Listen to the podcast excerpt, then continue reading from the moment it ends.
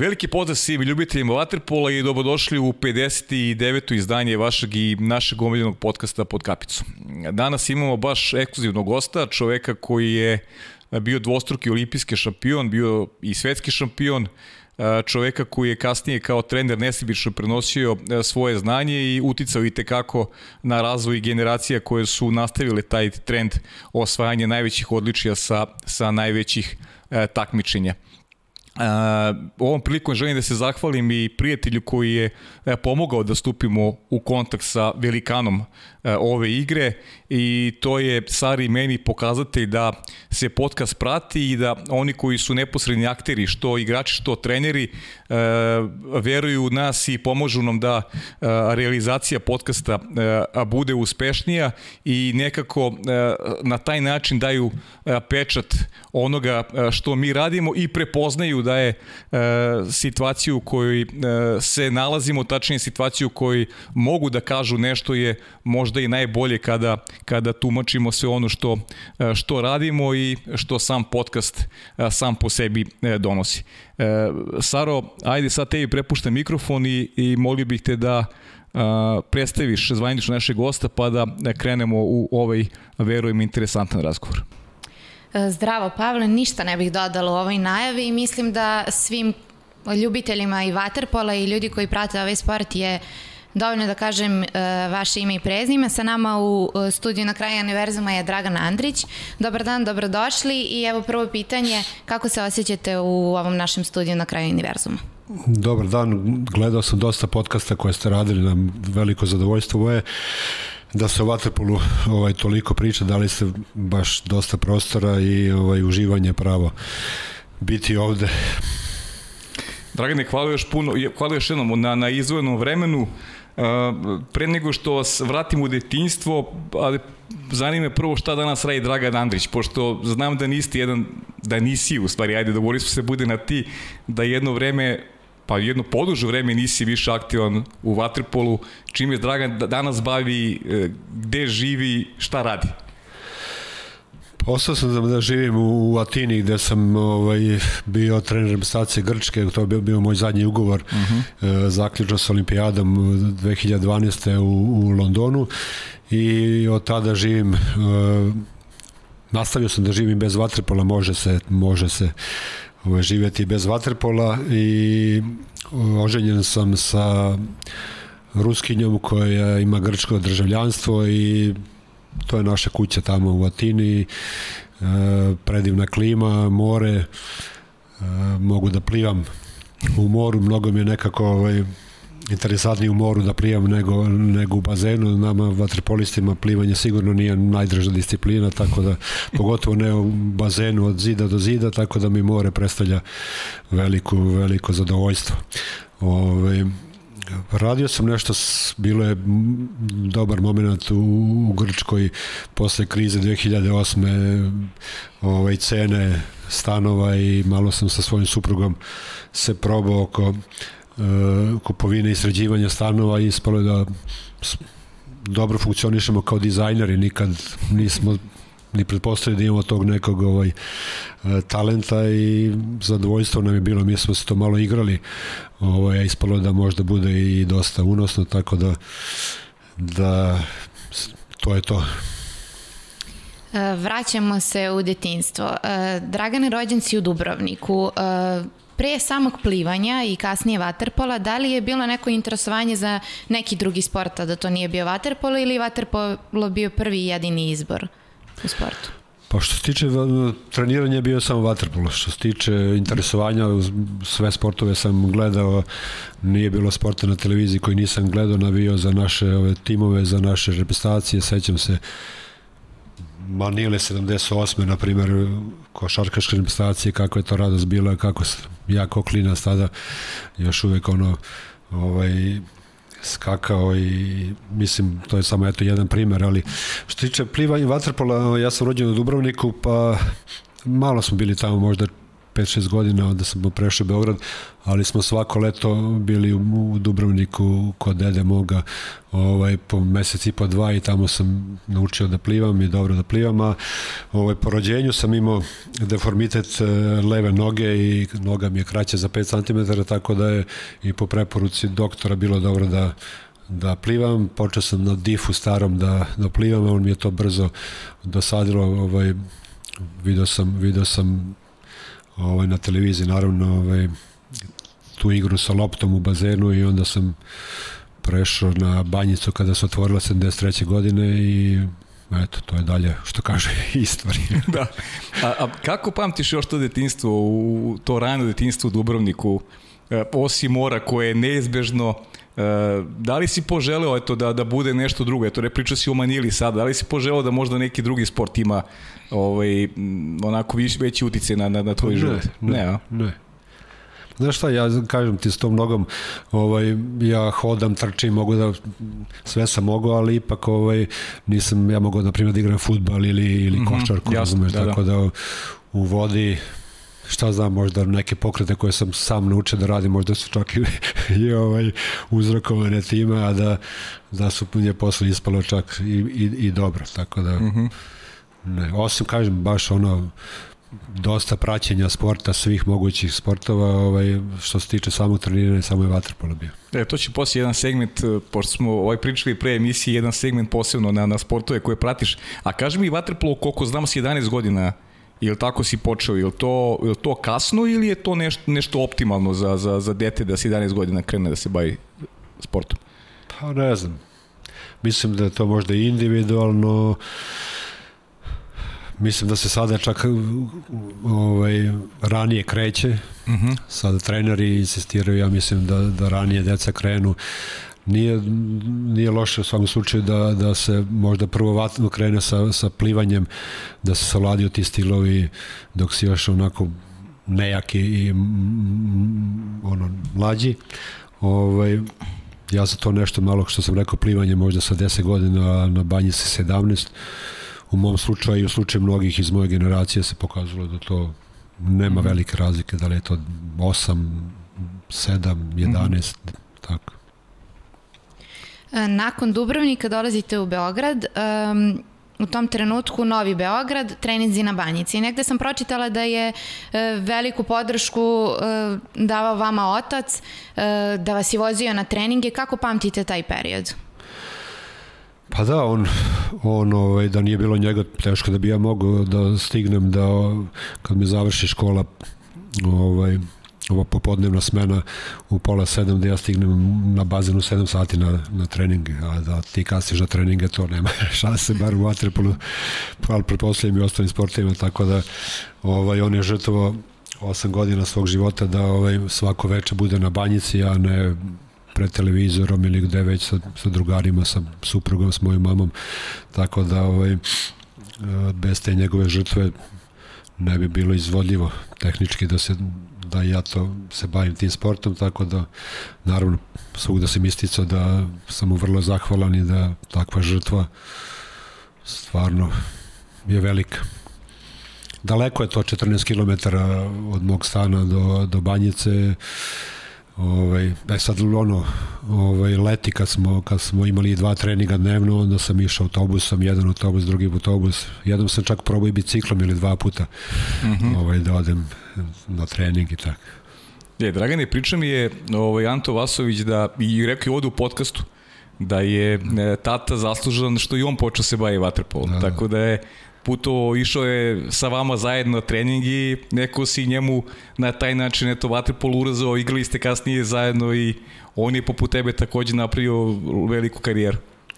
Da, moji su se družili ovaj, sa, sa roditeljima Anta i Jugoslava Vasovića i mi smo se družili, sećam se kako smo se igrali ko klinci tamo po njihovom stanu se jurili i tako i onda je spontano verovatno došlo do toga da i oni odluče i onda ih moj otac vodio i Anta i Jugoslava bar neko vreme. Njegov otac je bio, to se sećam, ovaj, i majka ovaj, kao i moj otac, ali na fanatici što se tiče utakmice i ono u tim juniorskim i ovaj, mlađim kategorijama, sećam se njegovog oca kako je vikao na tribinama, kako je i vikao na sudije i tako. Ovaj, ima tih nekih flashbackova iz, iz detinstva tih nekih momenta. Mhm. Mm Da li je tačno da ste posle položenog vozačkog ispita celu stipendiju trošili na benzin? Da, to sam ja negde pročitao skoro. To mi je poslao neko, neki isečak nekih, iz neke novine iz tog doba. Sad ne mogu da, da sećam, to mi deluje malo možda preterano. možda mi tada to izgledalo kao da je to puno, pa onda, ali ovo je sigurno, mislim, ono, dva puta dnevno otići do, ujutru, uveče, tamo vamo, sigurno da je velika stavka bio benzin. Jeste. Ali dobro, sigurno i ono velika onako mladom čoveku kad sedne prvi put automobil sigurno onako pričinjava, pričinjava jedno veliko zadovoljstvo, pa zbog toga možda si zaboravio na taj moment da, zaboravio da je bila velika potrošnja. zaboravio sam, ali ovaj, imao sam stojadina jednog onog specijal od mog oca i on je dugo godina ovaj, naranđasti jedan i ovaj, on je bio moj zaštitni znak. ja, znaš što je interesantno? Mislim da je bilo još momaka tako iz, iz, tog, iz, iz blokova koji su igrali vatripolu i tako i dolazili su onako veliki put su prevaljivali da bi da bi igrali pa vaterpolo. Goran Rađenović je da. zgradi pored mene ovaj bio odrastao Igor Milanović je iz 28. bloka čini mi se. Ovaj, evo rekli smo sad Jugoslav i Anto Vasović, sigurno tu ima još, još dosta deca. Banjica je bila vrlo privlačna, puno ono, baš epicentar naravno vaterpola u mhm. Beogradu i dosta dece dolazilo iz, iz svih krajeva Beograda. Mm -hmm. Dragane, sad je ove, ove nove generacije stalno to apostrofiramo kako su trenirali u teškim uslovima, hladnim bazenima, ništa se nije razlikuje ni taj period i tvoja generacija takođe isto trenirala u, u, u hladnim bazenima, bilo je mnogo odricanja kako bi se došlo do, do, nekog, e, do nekog cilja. E, kako gledaš sada na, na, na, na taj period? Šta si očekivao od sporta? Šta ti je asocijacija sada na to neko vreme, na neko vreme odrastanja? Šta si očekivao od sporta pre svega u tom periodu?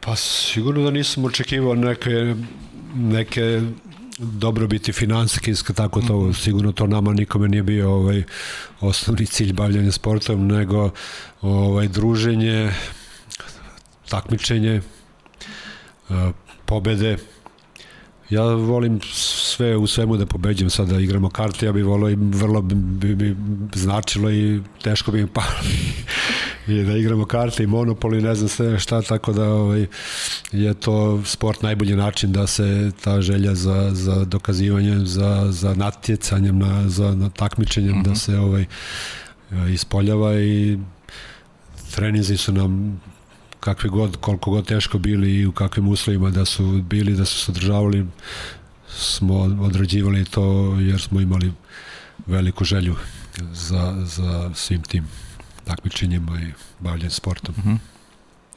Bilo bi dobro kada bi naše gledalce, ali i nas dvoje definitivno se podsjetili ko su bili ti saigrači sa kojima ste počeli u Partizanu?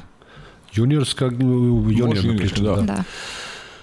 Pa, bio je Bili su par njih koji su otišli u Ameriku Aha. u jednom momentu, ovaj, znači Ognjen Kurajica, Viktor Pušić, uh, Vukan Ružić, oni su, uh, ja sam prošao sa njima sve kategorije, ušli smo u prvi tim u isto vreme, uh, i zakucali su i na, i na vrata reprezentacije i onda su sva trojica otišli 82. godine, znači imali su 20, 21, 22 godine otišli su u Ameriku da studiraju preko Waterpola i ostali su svi oni u Americi, uspešni su poslovni ljudi.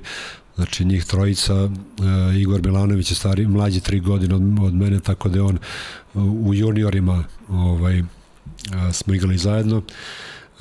Šoštar je dve godine mlađi, isto tako u, juniorima.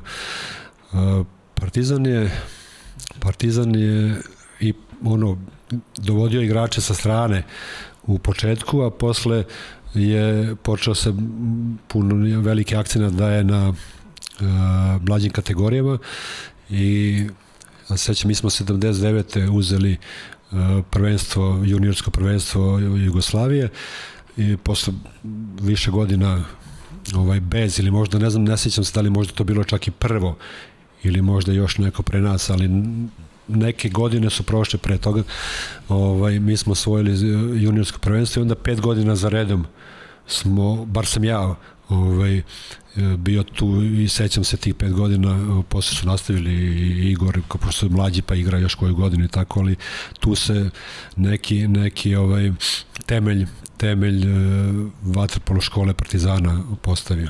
Mm. A, a... Ante Vasović posle mm -hmm. ovaj, ovo kad, kad, koga da ne zaboravim što smo igrali još isto u juniorima ovaj, Jugoslavije mlađe nešto Goran Tanasković ovaj, on je sad u Australiji on isto došao do vrata reprezentacije i tako jedno, svi se družimo i dalje i čujemo se i I Da, to je nevredni. A opet sačekali e, su vas generaciju stari igrači poput Ratka Rudića, Siniše Belemarića. I, i, imali ste od koga imali ste od koga da učite? Da, to je posebna priča. Ja se sećam, znači 73. sam počeo da treniram, 75. je bilo 75. i 6. Ja mislim da je 5. Ovaj, bio uh, finalni turnir Kupa šampiona u, u Beogradu i tu se uzela, uzela ta šesta titula ovaj, a, prvaka Evrope i na, delili su nam zastavice crno-bele od papira ovaj, tako da kad se završila utajmica ja imam i dan danas negde to moj otac sve čuva ovaj, na onim belim poljima potpise svih igrača koji su mm -hmm. ovaj, bili u sastavu tu je Mirko Sandić, Sofijanić, Belamarić, Rudić, Manojlović i um, Golman Marković, Miša Marković, uh, Avramović, Vuković, da ne, ne znam, sigurno sam zaboravio nekoga, ovaj, i to je meni bilo, ono, mislim, taj, taj ta zastavica mi je stajala u mom armaru i, i posle četiri godine sam ja igrao sa, sa mnogim od njih. Ovaj, sa 17 godina sam ušao prvi tim Partizana i imao sam sreću da, da nikad nisam sedao na klupi da čekam svoju šansu, nego sam od, od prvih utakmica sam već igrao u prvoj postavi i igrao baš sa njima, znači ovaj, nisam ih gledao, nego igrao sa njima. Da. Ovaj, I to je bilo svakom slučaju posebno, posebno iskustvo i vrlo značajno i za mene i za, mislim, pa sam pomenuo Kurajica, Pušić, ovi svi smo ušli zajedno, až 4-5, desila se neka, da kažem, ponusmena generacije, jer nikad u Partizan, ja mislim, nije ušlo od jedan put 4-5 juniora u isto vreme i da budu u sastavu ovaj, ali tu bio i Manojlović, ovaj, Predrag i Nenad i Ratko i Belamarić, ovaj, i, i mi smo učili od njih, naravno, tu je bilo ono, znalo se ko nosi lopte, ko može ne, nešto da kaže, a da ga se ne pita, ako te ne pita neko ništa, ti samo ćutiš, gledaš, upijaš i tako. Mislim, hirarhija i neko, neko to, ono, ovaj, znanje da, da, da poštujemo starije, to je bilo vrlo izraženo i ne znam kako je sada, ali ono, s obzirom da rezultati pokazuju da ovaj, smo na dobrom putu, pretpostavljam da je dalje tako, ne verujem da možda bude, da, a da nije tako, da se ne zna ko je tu najstarije, ko je najmlađi. Dragane, sam, slušam priču i ovaj, samo je prebacimo u današnje vreme, mnogo toga se poklapa. Da, da. Stvarno, evo, slušam slušam ovo i baš ima poklapanje dosta. Da, da. Očigledno da postoji nešto što je onako nasleđe, neko nasleđe koje je postavljeno pa eto i u tvoje vreme da ove mlađe generacije to upijaju i da oni najbolji, najuporniji koji su odani sportu i nekim svojim ciljevima e, vrednuju te stvari koje si ti nekad kao, kao mladi igrač.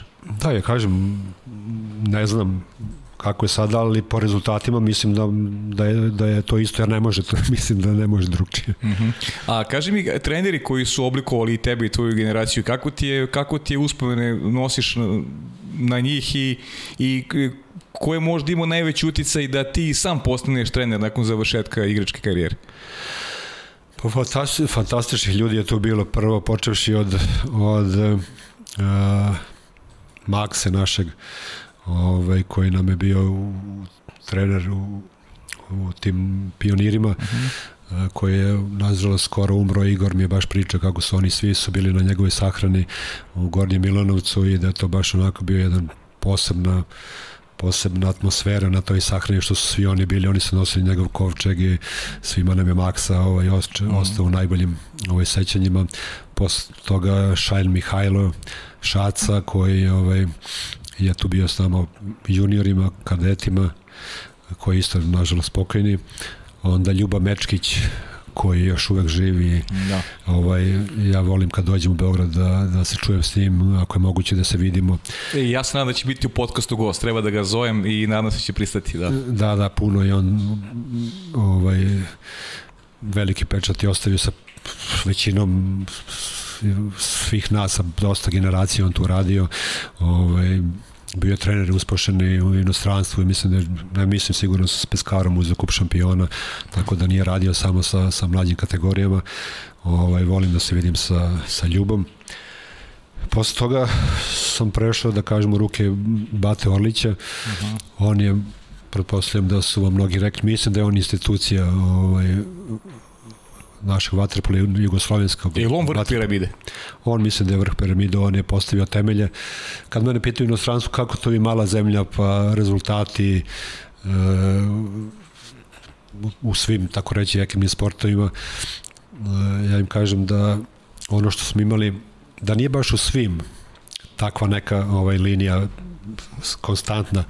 Ovaj, u Vatrpolu smo imali uh, Vlaha Orlića, u Košarci profesora Aleksandra Nikolića i njih dvojica mislim da su postavili ovaj, temelje ta dva sporta. Uh, u rukometu smo imali mi zlatne medalje, ovaj, ženski i muški, pa onda neki period bez, pa onda opet nešto se pojavi, ali ovaj, mislim da bez ovog temelja, da ovaj temelj koji su oni postavili i rada i škole ovaj, i ophođenja i mi smo imali u, naravno raznih uh, predsednika Saveza uh, Partizanu isto ljudi koji su ovaj bili predsednici neki su bili političari, neki biznismeni, oni su, njihova uloga nije bila da oni odlučuju i da prave politiku mhm. kluba, oni su samo bili logistika za ono što je nama bilo potrebno. Jasno. I treneri su u, u biti vodili glavnu reč. Uh mhm. -huh. I mislim da to i u košarci i, o, i zbog toga imamo te rezultate, ja mislim u ta dva sporta Ove, sad odbojka nešto mlađa u smislu kasnije su počeli da prave rezultate od, od toga što smo imali ali Batolić je postavio, postavio temelje sad neki kažu ovakav trener, onakav trener, on nije, njegova figura nije samo pitanje kakav je trener bio, nego kakav je menadžer, kakav je neko ko je mogao da, da osmisli model taj koji, koji dan danas, ja mislim, daje rezultate. Uh mhm. -huh. Vaterpolisti su bili veoma popularni u gradu. Koliko je teško bilo uskladiti treninge i izlaske? Da li vam je ta popularnost prijela ili vam je možda čak i odmagalo u nekim trenucima? Nije moglo da odmaže, ipak je to neka potvrda da ono što radimo, da radimo dobro i da ljudima to znači i prepoznaju ovaj, sve to. Uh, dobro, opet nikad vaterpolo nije bio kao što su futbaleri, košarkaši, tako, tako da sigurno smo imali neki manji deo svega toga i samim tim onda nam je bilo još, još značajnije. Ove, ovaj, a izlazi naravno kao i svi mladi ljudi smo izlazili i ja sam to puno, puno puta posle ponavljao mojim igračima kad sam ja bio trener njima u Španiji sam počeo ovaj, posao u Grčkoj. E, davo sam to kao dobar primer u smislu uh, koliko smo bili posvećeni, koliko smo bili spremni na, na sve. Ove, dosta puta su mi direktno iz noćnog života išli na treninge jer je bilo u 9 sati na banjici trening i te treninge smo odrađivali bolje nego da smo spavali, da ne bi slučajno neko pomislio da nismo spavali. I e, onda nas je to još više čeličilo i onda ovaj, kad izguraš tako nešto, nekad se desilo da to možda bude i par dana, ovaj, mislim da te to samo čeliči. I onda kad dođe neki teški trenuci ti kažeš ne može niko ništa, ne mogu da pustim nikome šta su mi sve prošli Eto, ima tu još ću vam pričati o tim, tom, tom baš segmentu. Ne, ne puštamo nikom i tako. Je, jedva čekam da čujem. E, I opet se, Dragane, ništa se nije promenilo, da znaš, opet u odnosu na taj period. Da. I dalje izlazi. I dalje. I dalje Ne, pa dobro, mislim, To je normalno. Zato sam jer pomen, krenuo od toga da, da. I, kao i svi mladi ljudi, mi smo izlazili, ne Aj, možemo da se menja. Da. A i si bio tolerantan kao trener u, u, u, u tom segmentu? Pa nisu bili tolerantni ni ovi što Prema tebi. prema nama, tako zato sam rekao da smo radili bolje nego da, da ne pomisle slučajno nešto, tako da tu nema tolerancije. Tu puno. Da, dobro.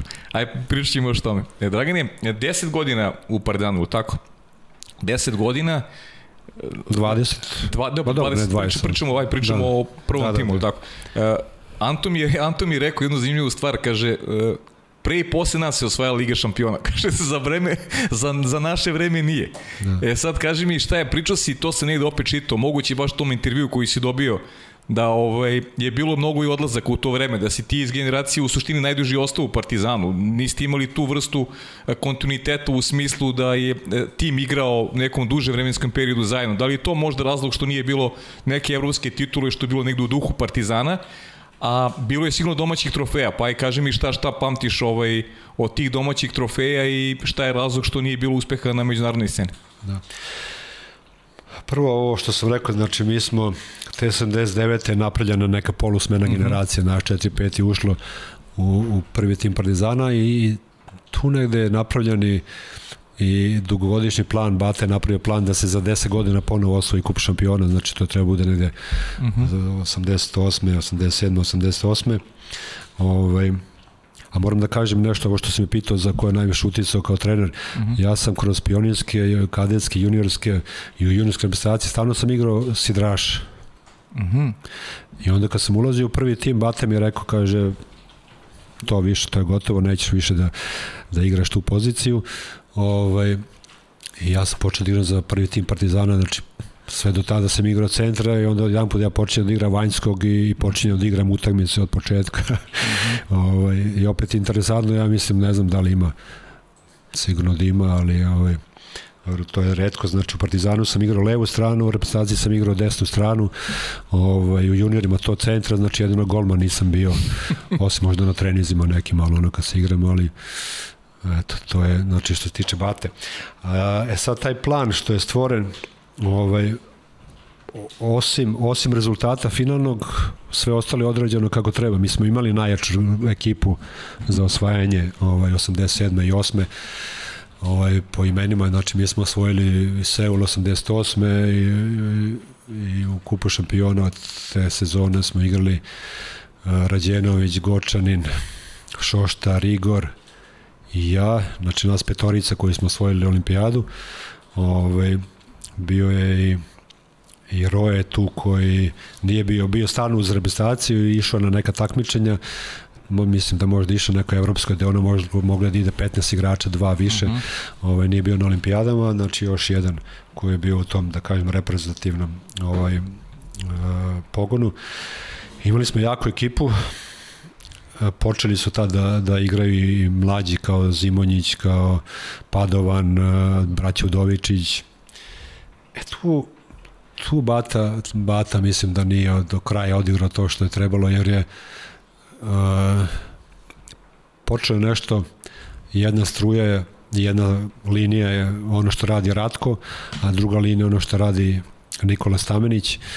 Uh, mi smo osvojili olimpijadu sa Ratkom, Nikola Stamenić sa juniorima osvojio svetsko prvenstvo i Bata je počeo da, da gura ovu, ovu liniju Nikolinu i ono što su oni igrali, a ono što smo igrali sa Ratkom, to više nije bilo, da kažem, min. Uh -huh. Tako da tu se negde treba tražiti zbog čega mi nismo izgurali do kraja. Znači, napravljen je plan odlično i on to odradio, znači, 8 godina sve te pazle je, uh -huh.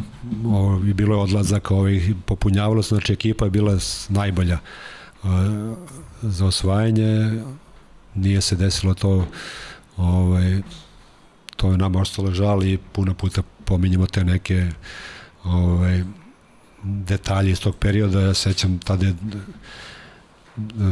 Duško Tunović bio faktički trener prvog tima, Bata se malo slonio pa je njega stavio, ovaj, on je dalje vodio sve, bio je tu ovaj, kapo. Uh, ja sam pričao Šoštar i ja, ja sam bio kapitan tada sa sa Duletom Atunovićem, rekao Dule, pre 8 godina napravljeno ovaj, program da se osvoji, daj da osvojimo to. Dolaze ovi mlađi, ali nemoj da mi da se oni uče sad u, u, u, u tom u polufinalu, finalu. Uh mhm. -huh. Ima vremena, evo, neki igraju celu ligu, ali dajte da osvojimo kup šampiona. Tu su igrali u, u, u dosta utakmice mlađi, oba Udovičića i Zimonjić i Padovan. Znači, sve išlo kao da da nije cilj da se, da se osvoji. Znači, uh -huh. uh, mislim, sve su to dobri igrači, mladi, ali su, mislim, mladi, neiskusni za taj nivo koji je tada Špandao. Mi smo dve godine izgubili Špandao, koji je bio vrlo iskusan. Cela reprezentacija Nemačka, Nemačka koja je da. tada bila na vrlo visokom nivou, imali smo mi dosta problema sa njima ovaj, na velikim takmičenjima. Da, bili su prvaci u Evropi jednom, tako? Nemci, Oni su da. bili nekoliko puta prvaci Evropi. Da, da možda i više. Možda 3-4, mm. ne sjećam stačno. Ovaj, iskusni su, mislim, iskusna ekipa i oni su dobili nas, tako da ako nije sve 100%, onda teško da se izgura do kraja. Mhm. Mm E, da li je waterpolo toliko grup sport koliko nama to izgleda na televiziji, sad je to regulisano koliko toliko, ali u vaše vreme kako pamtite waterpolo i da li možda pamtite nekog igrača koji se isticao po izrazitoj grubosti? Pa kako ja pamtim i kako gledam ovo što, što i bio sam i trener do skoro kad se ta promena već desila. Ovaj, mislim da je u naša doba bilo manje manje kontakta, da kažem. Što više kontakta, tu onda dolazi do grubosti. Kad si dugo u kontaktu, onda počinje da dolazi ovaj, i do preteranog. Ovaj, mislim da je bilo više tehnike u naše, u naša doba. Ovaj, ja sam tu bio ovaj, jedan od specijalista za odbranu i u spoljnju liniju, a dosta sam igrao i na beku. Čuvao sam se draše i ja nikada snagu nisam koristio u, u svemu tome što sam radio. Ovaj, sve je bilo samo svojom postavkom i, i, i kretnjom ovaj, da, da pokušam da neutrališem ovaj, napadača.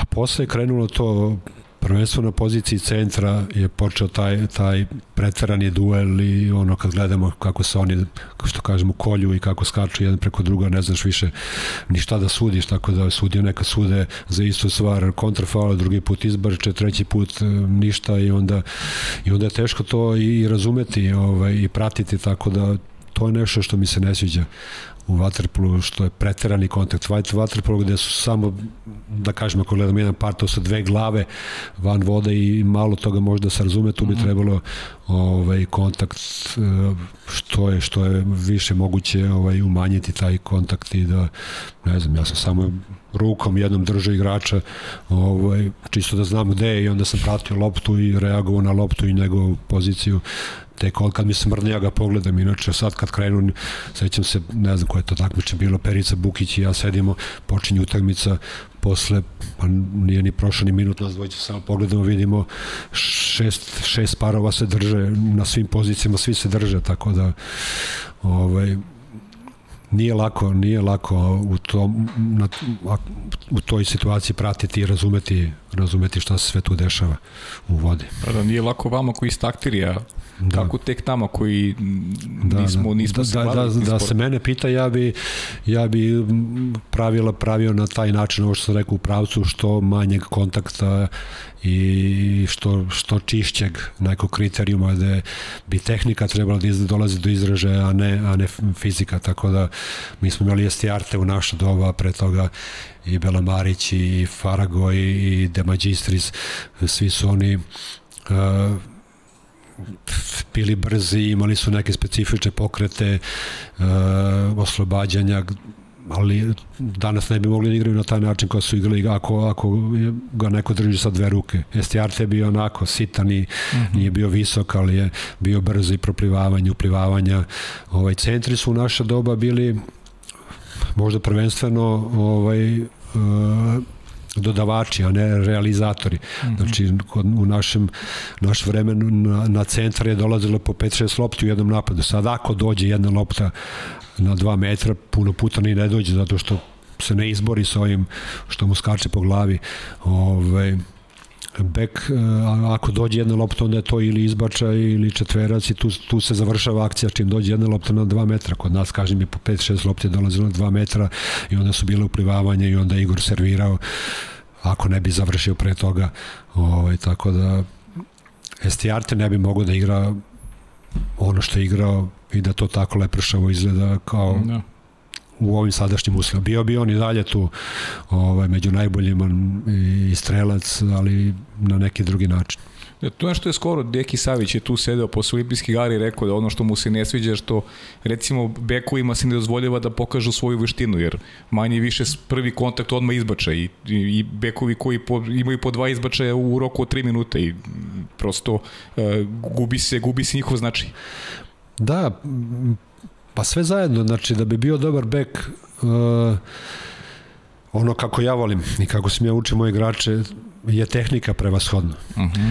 Sad ovo što se dešava da, da ta borba za poziciju ona nam puno, puno remeti naš sport jer mi uh, sad je to iskraćeni su napadi sad tebi treba na primjer desetak sekundi da se prebaciš imaš jedno 14-15 sekundi I sad trebamo da čekamo njih dvojica da vidimo kada će ovaj uspeti centar da, da dobije poziciju da bi ti mogu u odnosu na to da krećeš loptu ili da mu ubaciš mm -hmm. loptu na 2 metra i onda ostaje vrlo kratko vreme, onda idemo na onaj šut sa 5 metara, jer se pre toga ništa nije kreiralo. Ovaj, e, tako da ja sam možda bio među prvima koji je počeo da, da staje ispred centra. Ranije nikad bekovi su odmah kako dođe centar, bek mm -hmm. ide iza i onda krećemo da igramo, dolazi lopta na 2 metra, ovaj pokušava da ga da ga mhm. zaustavi, ovaj, da ga iskontroliše i puno put, mislim većina puta je on uspevao da ga iskontroliše, da li je tu bio faul, da li bi bio, nije bilo puno više golova sa 2 metra nego nego sada, ovaj, iako je puno više lopta dolazilo na 2 metra. Ovaj, Tako da, i onda kažem, znači, bekovi su išli ispred, iza. Ja sam jedan od prvih koji je počeo da ide ispred, ali sam ja išao ispred tako što sam bio okrenut leđima uh, centru. Mm -hmm i sad je samo trebalo, znači nisu mogli da bace meni loptu ovaj, i, i bek je, centar je pokušavao da se izbori za poziciju, ali nisam ja bio okrenut prema centru i držao ga, nego sam ja samo pozicijom bio ispred njega, mm -hmm. nisam ga ništa dirao, samo sam imao ruke ovako i pokušavao, ako on pokušava da podroni, što nije bilo dozvoljeno, da, da, ga, da ga tako iskontroliš. Mm -hmm. ovaj, ako sam bio iza, ja sam stalno bio na distanci od, od centra Uh -huh. I puno puta centar centar voli da si ti na njemu, jer zna onda šta može da očekuje mm -hmm. i osjećate. A kad si, kad si ti odvojen od njega, puno puta mi se okrenu, okreta od centra da vidi gde sam ja to, da bi mogo da zna šta može da očekuje. Mm -hmm. ovaj, ja sam bio dosta ovaj, netipičan od onoga što su učili ovaj, Oni su, na primjer, učili da, da se bude na levom ramenu, da se tom levom rukom kao kontroliša, a desna se uhvati uh mhm. -huh. ova ruka. Ovaj, slika je bila da sam ja isto na toj, ali su mene noge bile na, na suprotnoj strani, ja sam stalno skakao na loptu i puno sam lopti tako ovaj, i, i krao, ako nisam, onda uvek mi, uvek mi lopta bila, bila cilj, uh mhm. -huh. nikad igrač. Ovaj, sad treba onda bude dosta dobro da bi odreagovao ovaj, da bi tu loptu sačuvao i on, onda počinje borba za loptu, a ova fizika to mislim da to ovaj, umanje mnogo mogućnosti koje bi mogli da imaju ovaj, i dobri centri, dobri bekovi, dobri napadači, svi, svi smo limitirani, ja mislim ovo, jer uh, sve ovo što sam rekao, mislim da je vrlo jasno da, da, i, da se favorizuje odbrana Mhm. -huh. A nema, mislim, sport gde se favorizuje odbrana, ipak gledamo neke promene, svi smo svedoci promene i u košarci i u, i u futbolu, nema ih puno. Uh, pogotovo u futbolu, što, što smo gledali kako nekad bilo kad je Džajić igrao, pa kad su ga oni bekovi ovaj, lomili, to sad više ne postoji. Znači, mnogo je se favorizuje napad, a kod nas sa, tom, sa tim držanjem i sa tim fizikom, mislim da su igrani napadači napad generalno limitirani, mm -hmm. dosta. E, iskreno ću ti reći, ovi ljudi sa kojima sam pričao, rekli su mi da si u to vreme bio verovatno najbolji defanzivac na svetu, pa me zanima, e, ko ti je od rivala onako ostao uh, onako u memoriji kao neko ko, sa kim si imao najviše problema da, da izađeš na kraj? da. A ako kažete da sam najbolji, onda znači da ne bi trebao da sam imao problema. Pa dobro, ali Šali uvek, da, postoji, da, uvek da, postoji da. neko, da. Ove, najviše sam duela imao sa, sa Estiartem. Mm -hmm. Ja sam bio zadužen da ga čuvam na svakoj utakmici ovaj, jedan na jedan i tu nisam imao problema. Ovaj, mogu da da gol sa igračem više, jer tu više nema jedan na jedan. To je timska odbrana. Ovaj, a meni je dao gol samo jednom na nekom na nekom uh, pripremnom turniru i to je nešto, ne znam kako se to desilo, oba dvojica smo skočili po loptu i oba dvojica smo promašili, lopta pogodila mene u glavu i ušla u gol, tako mi je dao gol jedan na jedan. Ovaj, od, od, kose, od kose se odbilo gol. e sad to što je, što, ovaj, ako pričamo o spoljnim igračima, a, da sam trebao da čuvam, na primjer, Bebića, Bebić mi je bio teži zbog tu smislu što je on bio jači, uh mhm. -huh. više se povlačio, pokušavao da napravi neki kontakt, Jarte nije. Tako da Beba je jak, Beba je ovaj, čudo i napadač i iskoristi najmanje, najmanje moguću ovaj, priliku. On je bio od tih spoljnih igrača teži. Rekao sam već da sam igrao često i kao bek, uh, ne ono uvek smo imali dva beka koji su osnovni, ali tu bilo iz izmena i ovaj, kao bek u svakom slučaju sigurno najteže Mšvenja Radze koji je levak uh mhm. -huh. znači ovi Rusi su imali dva fantastična sidraša dvojica su bili levaci Mšvenja Radze i Ivanov i ovaj to je bilo to je bilo teško je bilo čuvati Mšvenja Radze pogotovo ovaj eto to je ono što mi je ostalo Bilo je tu centara Paškvalin isto levak i on je nezgodan bio ovaj, američki centri što smo se mi borili sa njim u dva finala. Ovaj, štam, štam, Nemac, štam, da. fantastičan centar i tako, ali nalazio sam način. Da. ono što sam rekao, tehnikom prvenstveno da, mm -hmm. da se izborim sa svima. Pričat ćemo posle o, o tim duelima kad pređemo na, na repestivnu karijeru. Zaključio bih samo ovaj period e, vezan za, za igranje u Partizanu. Ili ima, Dragane, nešto, nešto posebno čega se sećaš, neke utakmice koja ti obeležila taj boravak u, u, u crno-belom taboru uh, i, i dobra i loša? neka dobra utakmica koju pamtiš osvojen trofej ili opet s druge strane i neki moment koji ti je onako urezan uh, pološan? Da. Pa evo ovo što sam rekao, znači 79. je ta neka mini ovaj, smena generacije, pravi se plan, za 8 godina mi tada polako gubimo primat, ovaj, Jug se tu pojavlja vrlo jak, Primorac, Poški je bio nama veliki rival isto tako. Bila jaka ta, ta liga, u svakom slučaju, jugoslovenska. E, mi smo 84. ja mislim ponovo osvojili prvenstvo, i to je bilo ovaj brže nego što se što smo se nadali u klubu. Mhm. -huh. Te godine smo osvojili i olimpijadu, tako da nam je to onako ovaj vrlo bitna godina. I posle smo već počeli da uzimamo i titule i, i kupove tadašnje. Bilo je vrlo, vrlo ono naše rivalstvo sa Jugom koji je tada bio najjači, Sukno, Đuho, Bože Vuletić, Milat i tako, imali su jako, jako ekipu. Uh, seća se kupa, bio neki period, ne znam koliko godina, nekoliko godina sam ja igrao. U Kruševcu je bila finale Kupa, kupa, mm. ovaj, Jugoslavije. Kupa Jugoslavije.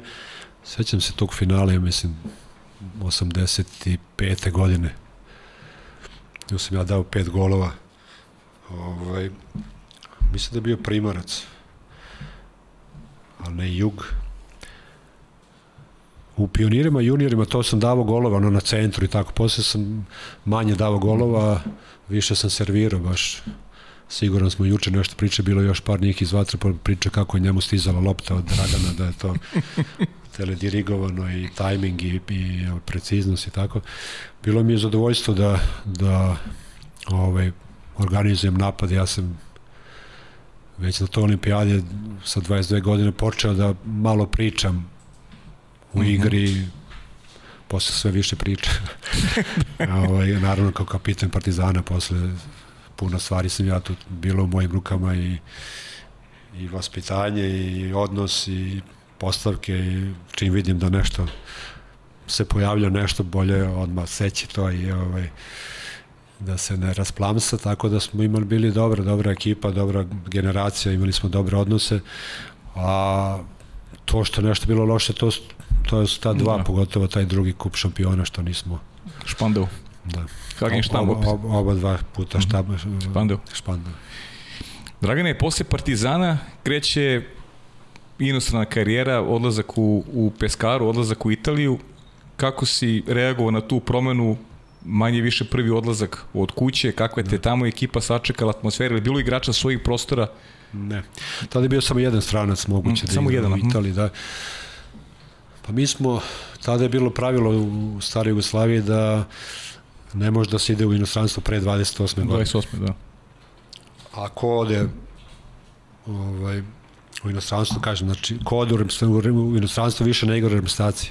To isto bilo tako pravilo, tako da smo mhm. -huh. mi svake godine gubili nekog od najboljih igrača na svetu ili golmana kao što Krivokapić koji je otišao ovaj, da, posle, posle ovaj, Madrida.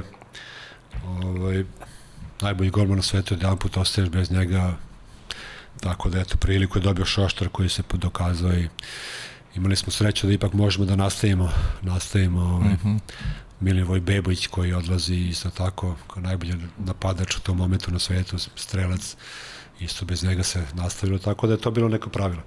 I tako da sam ja, eto, do 28. godine bio ovaj, nešto malo jače u Partizanu, kapitan Partizana i onda sam otišao u Peskaru. Još samo približiš mikrofon. Ako... Ovaj, u Peskaru sam otišao nije bila neka ekipa i tu su se desile neke, neke promene, Stijarte je bio tu pa i otišao. Ovaj, E, tako da nije, bilo je bio golmana toliko koji je posle ovaj, ono, imao veliku karijeru reprezentativnu, on je tu bio negde na početku, bio je uh, Pomiljo, mladi tada uh, Mario Fiorilo, koji je vrlo dobar igrač, mi smo ista generacija, ovaj, tako da Bilo je tu nekih dobrih igrača, ali bilo je dosta italijanskih igrača koji su onako bili, bili osrednji.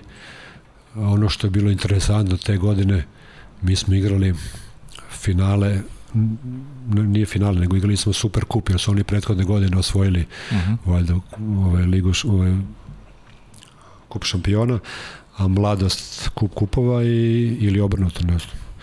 I mi smo igrali sa mladosti ovaj, to je utakmica upamćena kao naj, najveća krađa možda, jedna od najvećih krađa u istoriji. Ovaj, mi smo u, u Italiji mislim da smo izgubili čak jedan razlik, oni su bili mnogo bolja ekipa od nas, a onda smo u, Zagrebu igrali fantastičnu odbranu, bio neki mali rezultat i, i vodili smo i bili smo pred pobedom, znači nap, zadnji napad su oni, smo mi krenuli u zadnji napad, ovaj, svi su prešli na, na protivničku polovinu, ja sam išao zadnji, znači ja sam plivao, plivao, Perica Bukić je išao iza mene pola tela i onda kad me stignuo, ja, stigao, ja sam skrenuo malo u stranu i u tom momentu sudija svira zadržavanje.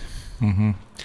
Ove, ovaj, Igor je ostao pozadi sa jednim našim igračem, bacili su loptu, on je dobio loptu, okrenuo igrača, sviran je penal i onda su oni tu ovaj, ostvari rezultat koji bi bio dovoljan za produžetka, mi produžetke više nismo ni igrali, tako da eto bilo bi mislim čudo da smo tamo u Zagrebu osvojili ovaj, da. to je bilo bi stvarno velika stvar za nas ali eto imamo ni jedan ono što se kaže sad ne znam, ne, nije to anegdota mislim sigurno nego nešto što se pamti i mnogi će vam reći da je to ono poznata krađa. Mhm. Mm Danac okay. jedan, Danac jedan je sudio. Danac sudio? Da, mislim da posle više i nije. Oni su baš poznati kao vele da. sile u Vatrpolu. Pa verovatno zato i postavljen da sudi. da, da, da, jasno. Mene zanima život u Italiji. E, kako provodite slobodno vreme? Da li vam je negde peskara ostalo urezano u srcu? Kako pamtite taj pa, period? Kratko, kratko sam ja bio tamo samo tu jednu sezonu, je mm -hmm. možda jedno sedam meseci. Naučio sam italijanski dovoljno dobro da ovaj, mogu da pričam i dan danas ja ovaj, mogu da gledam italijanske filmove i da razumem gotovo sve. Ove, ovaj, Peskare je mali grad, onako miran, to drugarstvo sa Fiorilom, Atolikom, Pomiljom, Daltrujom, Marko Daltruje sam zaboravio, on isto bio uspešan reprezentativac njihov, to je ono što, što prvenstveno ostaje ovaj, u sećenju kratko je trajalo. Prijatno, svugda im, imam prijatelje to je najbitnije. Tako je.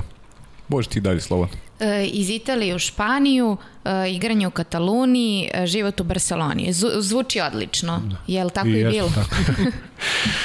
Zvuči odlično i jeste tako. Barcelona je ovaj, čudo od grada, stvarno. Znači ja sam tamo 90. godine otišao, igrao sam dve godine. Prvo ti igrači su bili ovaj, dosta dobra ekipa, dosta mm -hmm. dobra većina njih je iz kluba bila potekla. Tamo su klubovi organizovani po sistemu članstva i ima puno, puno klubova u Barceloni uh, da se igra vaterpolo, ima puno klubova da se igraju neke drugi sportovi. Ovaj, uh, i oni se finansiraju od član, članova kluba. Znači, naš klub je imao dva bazena, 25, 25 metarska bazena, jedan je bio pokrivan, drugi bio pod balonom, leti se otkrivao i ovaj, ja mislim da smo imali možda maksimalno neki 12-13 hiljada članova ovaj, koji su ono, imali su svoje ovaj, termine za plivanje, za teretanu, a, bio tu neka četiri terena za skvoš e, i to je to. Znači sa 12.000 članova je moglo da se napravi ekipa koja je osvojila i kup kupova i super kup i posle i kup šampiona tako da je bilo ovaj, a onako sve kao porum, kao familija i taj predsednik kluba iz, iz, mm -hmm. iz tog kluba, tu se monio se onako, to je njima ono i pored tih sportskih aktivnosti i, i, i taj socijalni aspekt e, druženja, provođenja vreme u klubu, tamo ima kantina, tamo ima ono, ovaj, da stolovi sede, dolaze na utakmice, druže se, putuju zajedno, neko, neki od tih članova kluba su putovali na našu finalnu utakmicu, posle ćemo doći do toga. Mhm, mm ovaj, da, tako da je privat, privat, prijatno vrlo, vrlo to moje iskustvo iz kluba, kažemo ono, baš kao porodica mm -hmm. jedna. A, drugo, imali smo jednu veliku koloniju sportista iz Jugoslavije tamo. Mm -hmm. ovaj, ja sam si pre bio dosta dobar sa rukometašima. Ovaj, on, išao sam na par utakmica metaloplastike, ono, ono doba čuveno. Mm -hmm, čuje. Iz Los Angelesa smo mi svi tamo upoznali. Ovaj, e, um, kad sam ja bio tamo sve vreme su bili partner, mm. nažalost spokojni, mm -hmm. da. Mm -hmm. Prerano nas je napustio.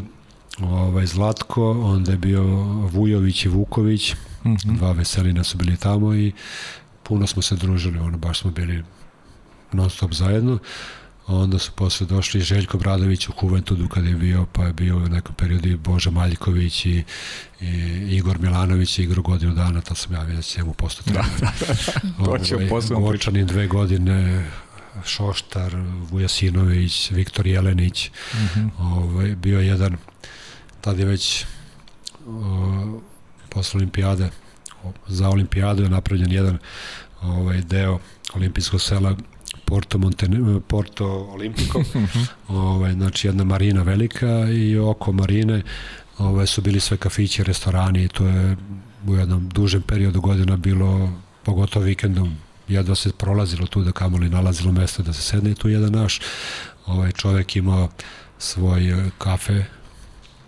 prvo manji, kasnije veći, sad je vrlo uspešan ovaj, ugostitelj u Barceloni, ima u centru nekoliko restorana i tako.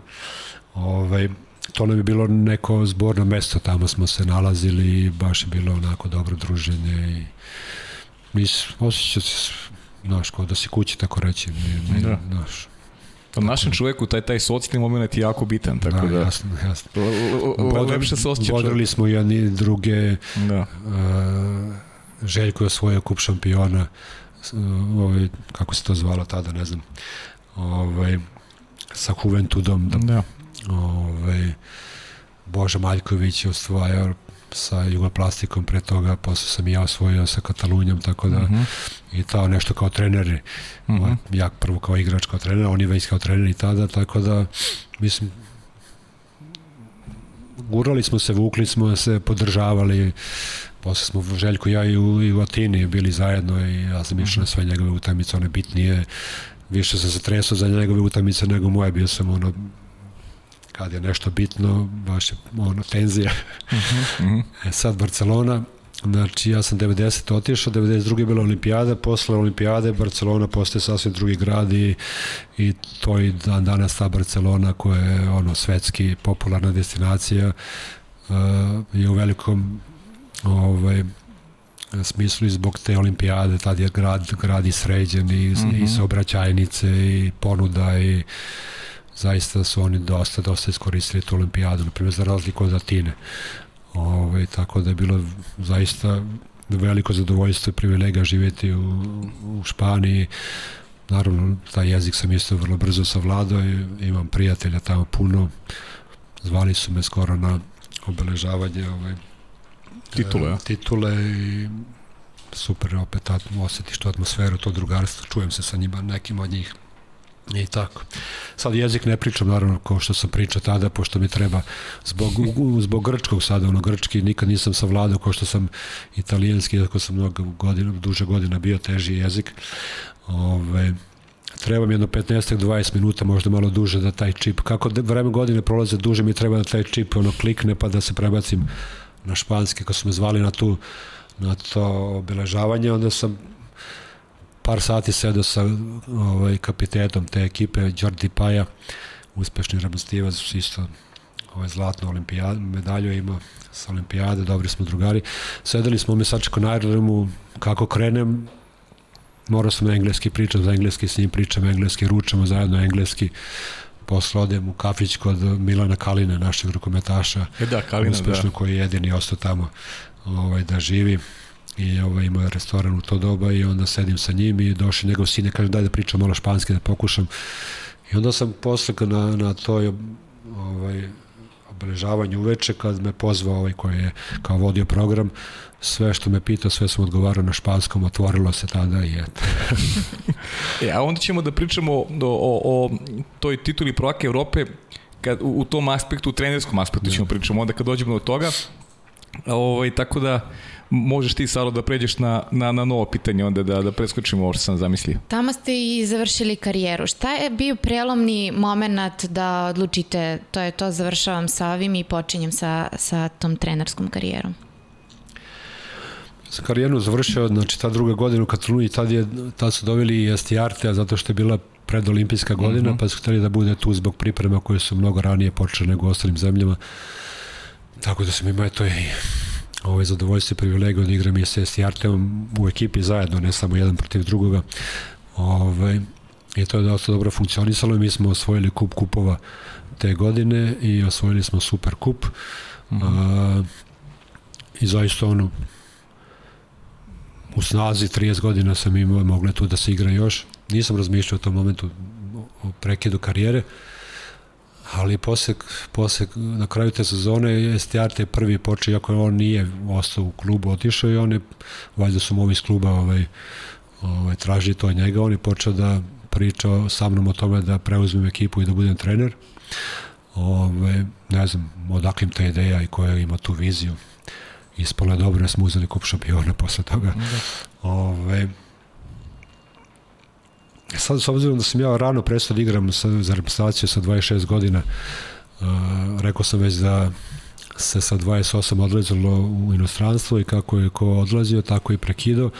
E sad, u, u našem slučaju nije, nije bilo ratka koje je sve ovo što sam ja živao ovaj, gledao kako odlazi Krivokapić, pa odlazi ovaj, Bebić. Bebić, Roje, Zoran, naš kapitan iz Los Angelesa, Sukno, Boža, Vuletić, tako Ove,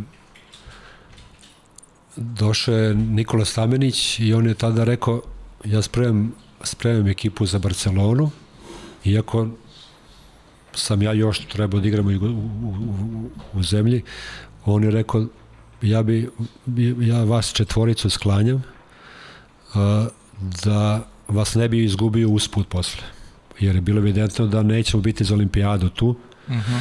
ovaj, pa je on tu radio odmah, znači Đuho, uh, Daniel Uši, Paškvalin i ja smo prekinuli, znači ja sam i Deni Lušić sa 26, Paško 27 i Đuho 28. Znači, 26 sam prekinuo i znači tada kad me to je Stjarte pitao, kad sam imao sa 30, 30 godina sam imao, četiri godine je prošla da nije bilo tih najvećih, najvažnijih takmičenja, da. takmičenja pa mi nije bio problem da da kažem dobro neće više da igram s obzirom da ono što je najvažnije i što je najbitnije toga više nije bilo i, da.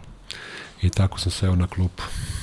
Da li opet imamo taj neki drugi moment Ovo, I Igor je završio sa 30 godina isto i nekako je um, da li to samo ta reprezentacija ili prosto neki osjećaj ajde dosta je bilo da se oprobam u nekim realno si mogao da da igraš i do da traješ i do ne znam 38. 9. godine mogu si mogu si da živiš lepo od sporta ipak si se opredelio da da da da staneš sa nečim što si najbolje znao što si najviše voleo mislim da je to opet neka snaga neka unutrašnja čovjek kaže sebi sa 30 godina mlad čovjek pun snage pa nisam da ja tada ove, razmišljao toliko unapred sad s ove s ove distance pretpostavljam da bi nastavio da igram. Mislim, mm -hmm. ipak mhm. je to najlepši i najlakši način mm -hmm. ovaj,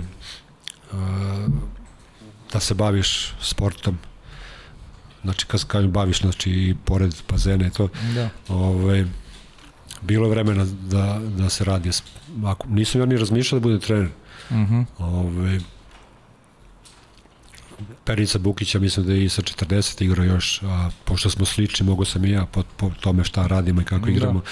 Ovaj, svi su oni igrali dugo, osim Igora, a, a Igor znam da mi je rekao već tu to finale, polufinale sa mladosti -huh. i finale sa Mađarima, on mi je rekao da osjeća kako da ide vatrlo, kako se menja polako kriterijum, da će mu biti sve teže da -huh. da se bori, on je toliko toga iznao za svojim uh, leđima, plećima, što Jeste. se kaže. Ovaj, ja mislim da je on iz te izmorenosti i shvatanja da je vodi kriterijum novi, ovaj, odlučio da, da prekine da igra.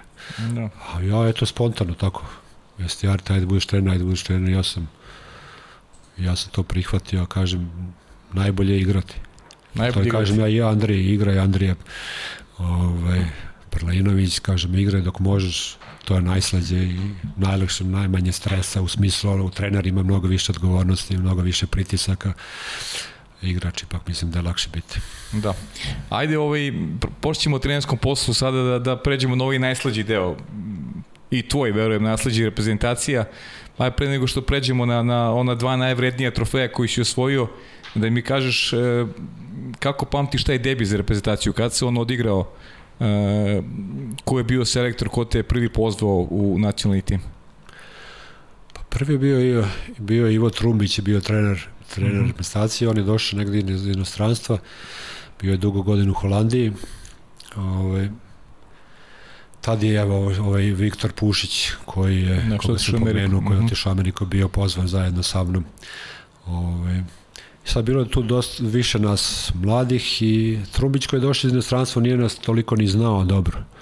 Znaš, sećam se jedno onako, to znam je ostalo kao neki moment, nek doktor ovako kaže, uzme, baci kapicu, kaže Tukić uzme kapicu, on uzme kapicu, aha, ti si Tukić. Znaš, ovaj, on, je, on je tad bio i trener, mislim, i Juga u isto vreme. Uh mhm. -huh. ovaj, I bilo je svetsko prvenstvo u, u Ekvadoru, u Guayaquilu, I generalno tu nešto atmosfera, nije se to skockalo kako treba. Ovaj, ja sam trebao da idem na, na svetsko mm -hmm. prvenstvo i ne znam da li sam primio vakcinu, trebali smo da se vakcinišemo za odlazak, bilo je nekoliko igrača u, u vojsci, mislim da je Roje, Zora Roje bio Boško Lozica i ne znam ko je bio treći. I nisu ih puštali ovaj, na mhm. pripreme mm -hmm. i pustili su ih možda nedelju dana, 10 dana pred svetsko prvenstvo Zora Roja rekao da on neće da ide pošto nije trenirao, kaže momci su trenirali, druga dvojica su došli, onda smo Samarđić, Samarđić iz Kotora i ja smo otpali pre ili neposredno pre ili posle vakcine, ne sećam se više, nebitno, ja sam, ja sam dobio odmor, na što mi je bio prvi odmor posle mnogo godina da leto bilo stalno, nisam više išao ja od Dubrovnika, ono, kao što sam ranije rekao, kao leti, od 15. godine već sad nisam išao u Dubrovnik, ovaj, nije bilo odmora.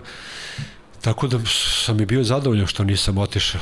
Ovaj, loš rezultat u stvari mm -hmm. u tom u Ekvadoru i eto to pamtim tako posle je bilo evropsko prvenstvo u, u Rimu bili su selektori Nakić i Seifert to je bilo 83. i 84. su oni oni su slovili kao, kao selektori do par meseci pred, pred olimpijadu kad je postavljen, postavljen Ratko. Uh mhm. -huh.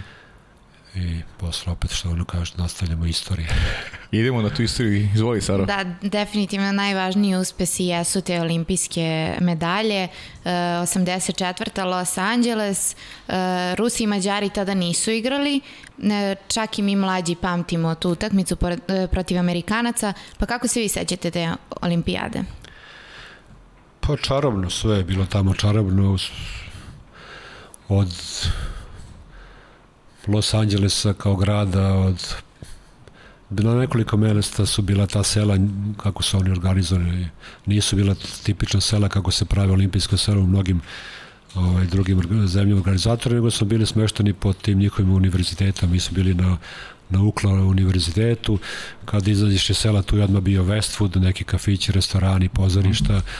Tako da si mogao da osetiš osetiš malo grad gde si ovaj, nije uvek bilo lako proći kad izađeš na glavni ulaz, tu je bilo puno Amerikanaca koji su ispred stajali da se slikaju sa sportistima, da autogrami i onda nekad ono, sećam se kad su uzeli medalju pa smo izlazili ovaj, da se vidimo sa našim ljudima koji su nas čekali vidiš tu stoje ljudi, ali treba ti 20 minuta, pola sata se probiješ. Ovaj, Tako da je to bila prava olimpijada u smislu atmosfere i osetiš i te ljude, uh mhm. -huh. ovaj, navijače i ljubitelje sporta. Uh, u tom selu smo imali i, i jedan prostor gde, gde je bilo stolova razne nekog programa svako veče, neki bendovi su živi tu svirali tu smo možda prvi zadnji put ono ovaj, živeli to da, da sediš, slušaš dobru muziku, a vidiš da možda ti bude prijatno i sa sokovima. Nije bilo ništa drugo nego vode i, vode i sokova i tako. Ove, sad, pošto mi došli tamo da probamo da napravimo što je bolji rezultat, mi smo sedeli, Igor i ja, slušali smo muziku, oni u muzici, verovatno mi priča kako yes, svira yes. gitaru, ja ono mnogo, mnogo više ovaj, u muzici nego ja. Ovaj, i sedeli smo kao na dvojica starih iz Muppet Showa što sede uh mhm. -huh. na one gore, kako se zove? Pa terasi, nove terasi, terasi da. da. A, ovaj, i, i komentarisali smo ono što gledamo tu. Bilo puno njih koji su plesali, igrali, svih mogućih nacija, sportova i ovih visokih i malih i boksera i ovih, tako da je to bilo vrlo interesantno ovaj, onako malo, malo razbi brige u tom čitavoj ovaj, koncentraciji i ovaj, tenziji. Sad mogli smo, Ratko nas je i vodio negde, ne znam koliko smo mi radnije dana pre došli, mislim da smo tada išli u Disney, ne mi išli, sigurno smo išli u Disneyland. Mislim da je priča Igor tada. Išli smo u mhm. Disneyland i ovaj, bilo je, bilo je zaista onako dobar ugođaj sve to doživeti, videti, mi smo svi bili mladi, prva, prva olimpijada, Perica Bukić 18 godina, Igor 19, ja 22, Daniel Ušić 22, Paškvalin 23, mislim, mlada reprezentacija, mlada ekipa. E, Igor, Igor Perica i ja smo bili najmlađi, pa su bili nas trojice zajedno u sobi, ostale su bili po dvojica. Peru Bukića nisam ni vidio ova zadnja tri dana posle, posle medalje. Ove, ovaj, nije došao ni jednom u sobu tako da vam kažem kako uopšte ta, ta olimpijada izgledala, koliko je to bilo prijatno, bilo je Uh, vrlo bitan aspekt te olimpijade je bio i puno osvojenih medalja u našem, našoj ekspediciji mm -hmm, mm -hmm. rukometaši, rukometašice zlata, košarkaši, bronzu mislim ovaj, futbaleri isto tako puno pojedinačni, znači onako bilo je baš atmosfera pozitivna ovaj, tu su dosta prijateljstava, ovo što sam rekao, sa rukometašima, sa rukometašicama, one su nas pratile, mi smo bili na njihove finalne utakmice, oni na našoj, tako da pored onog USA i USA, samo su se one još čule, pogotovo ono kad, mhm. pred kraj, kad smo utišali ove, tako da zaista ovaj, u najboljem, najboljem sećanju, ja sam taj, uh, Da nastavimo da pričamo o olimpijadi ili ćemo prvo rezultate, neke utakmice, kako išlo? Šta god želiš, šta god želiš, dragan. Ove, pred, pred o, podlazak na olimpijadu, zadnje, zadnje pripremne utakmice su nam bile u Bečaju, e, Balkanijada je bila i mi smo to osvojili i sad tradicionalno je bilo gde god smo išli po svetu te prijateljske uh, ili manje turnire, ovaj, ovaj da je bila Balkanijada, nije bio samo prijateljski, ovaj, je uvek domaćin organizuje neki, kako smo mi to bili, bili zvali banket, znači sve reprezentacije tu se ovaj, druže, večeraju zajedno. Ovaj, I Ratko nam je rekao, idite večeras tamo, ja neću biti. Ovaj, možete malo da popite, ali nemojte da preterujete, naravno. Pretpostavljam da on nije ni išao zbog toga da se ne bi mi sad on, osjećali da gledamo gde je on, šta je da. ona i on da, da gleda, iako nam rekao možete, ali opet verovatno ono kao da i popimo i tu čašu, pa opet i pred trenerom nije se ni on osjećao da dobro, tako. E sad tu je bilo i muzika živa i ovaj, lepa atmosfera sa Rumuni, Bugari, ono, Grci. I krivi, ja mislim da je naručio pesmu Sovčara i Kablara, kaže to je neka tradicionalna pesma, oni stariji su još to. Uh mhm. -huh. I onda su, je počela ta pesma, mi smo ustali, ovaj, pevali smo tu pesmu i posle na ulazku u autobus, time se završilo ovaj, to veče i na ulazku u autobus uh, Coša Seifert koji je bio pratio je reprezentaciju ispred stručnog saveta, uvek je bio neko iz stručnog saveta, on je ovaj, tu bio i bio je posle na olimpijadi s nama, on je tu počeo još da viče ovaj, na ulazku u autobus, ponašali ste se ovako, ponašali ste se -huh. onako. E, sutra smo imali najteži trening u tih šest godina, četiri godine sa, sa Ratkom. Bilo koga iz te ekipe da pitate šta je to Bečejac, svi će znati o tom treningu. Ove, ovaj, da li taj trening bio kao neka kazna. Kazna. Mhm. -huh. To ne znamo, nismo ni pitali Ratka nikada. Tu smo plivali jedno par sati bez pauze, tako reći. I kada smo završili, onda je bilo, ajmo sad 200 metara na štopericu. Uf. Što nemaš ništa gore, nego ajde ono 50 nekako izvučeš, ali da plivaš 200 metara štopericu, to je i redko, osim sad radimo neke testove na početku pripreme. I to smo otplivali muški i sad u Bečeju ima dublja strana bazena i plića, završili smo na plićoj strani, stajali smo onako ovaj, u vodi i krenulo je, ajmo da otpevamo opet pesmu i tu smo mi pevali sa ovčarom kablar. Sjajno. ovaj, Ratko, pretpostavljam da, da kad je to sve video i ovaj, čuo, mislim da je bio zadovoljan. da je, ekip, da je atmosfera postavljena. Da sad kao selektor i ono što je Ratko najbolje radio, a to je izabir, odabir, odabir zadnjih 13 uh -huh. i kako iskreirati uh, atmosferu i koji tih 13 mogu da iz, iznesu tu atmosferu. Znači, uh -huh. nije, nikako nije reprezentacija jedne zemlje 13 najboljih igrača, uh -huh. individualnom kvalitetu, tehnici ili ne znam čemu, nego je 13 naj, igrača koji najbolje mogu da odigraju to što je on zamislio i 13 igrača koji mogu da funkcionišu kao, kao, kao, tim. kao tim, kao jedan.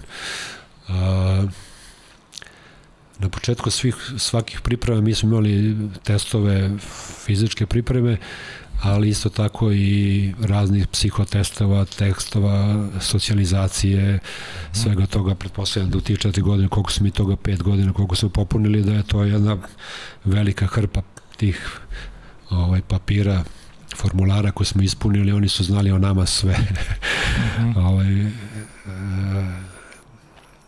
Ljubica Bićanac, naš psiholog, koja je sve to radila, tu i tamo čujemo se, ja sam je zvao kad sam postao sa ovaj trener, nešto da se posavetuje malo sa njom i tako, kažem, sigurno je Ratku ovaj, davala te rezultate mm -hmm. iz kojih on mogo da crpi, da vidi ko će to da izvuče 5-2 ovaj, da okrene i da, i da uzme zlato, tako da je bilo ovaj, to što je čuo kako pevamo posle takvog treninga ovaj, sa očara i kablera sigurno da Ratko znao da je na pravom putu.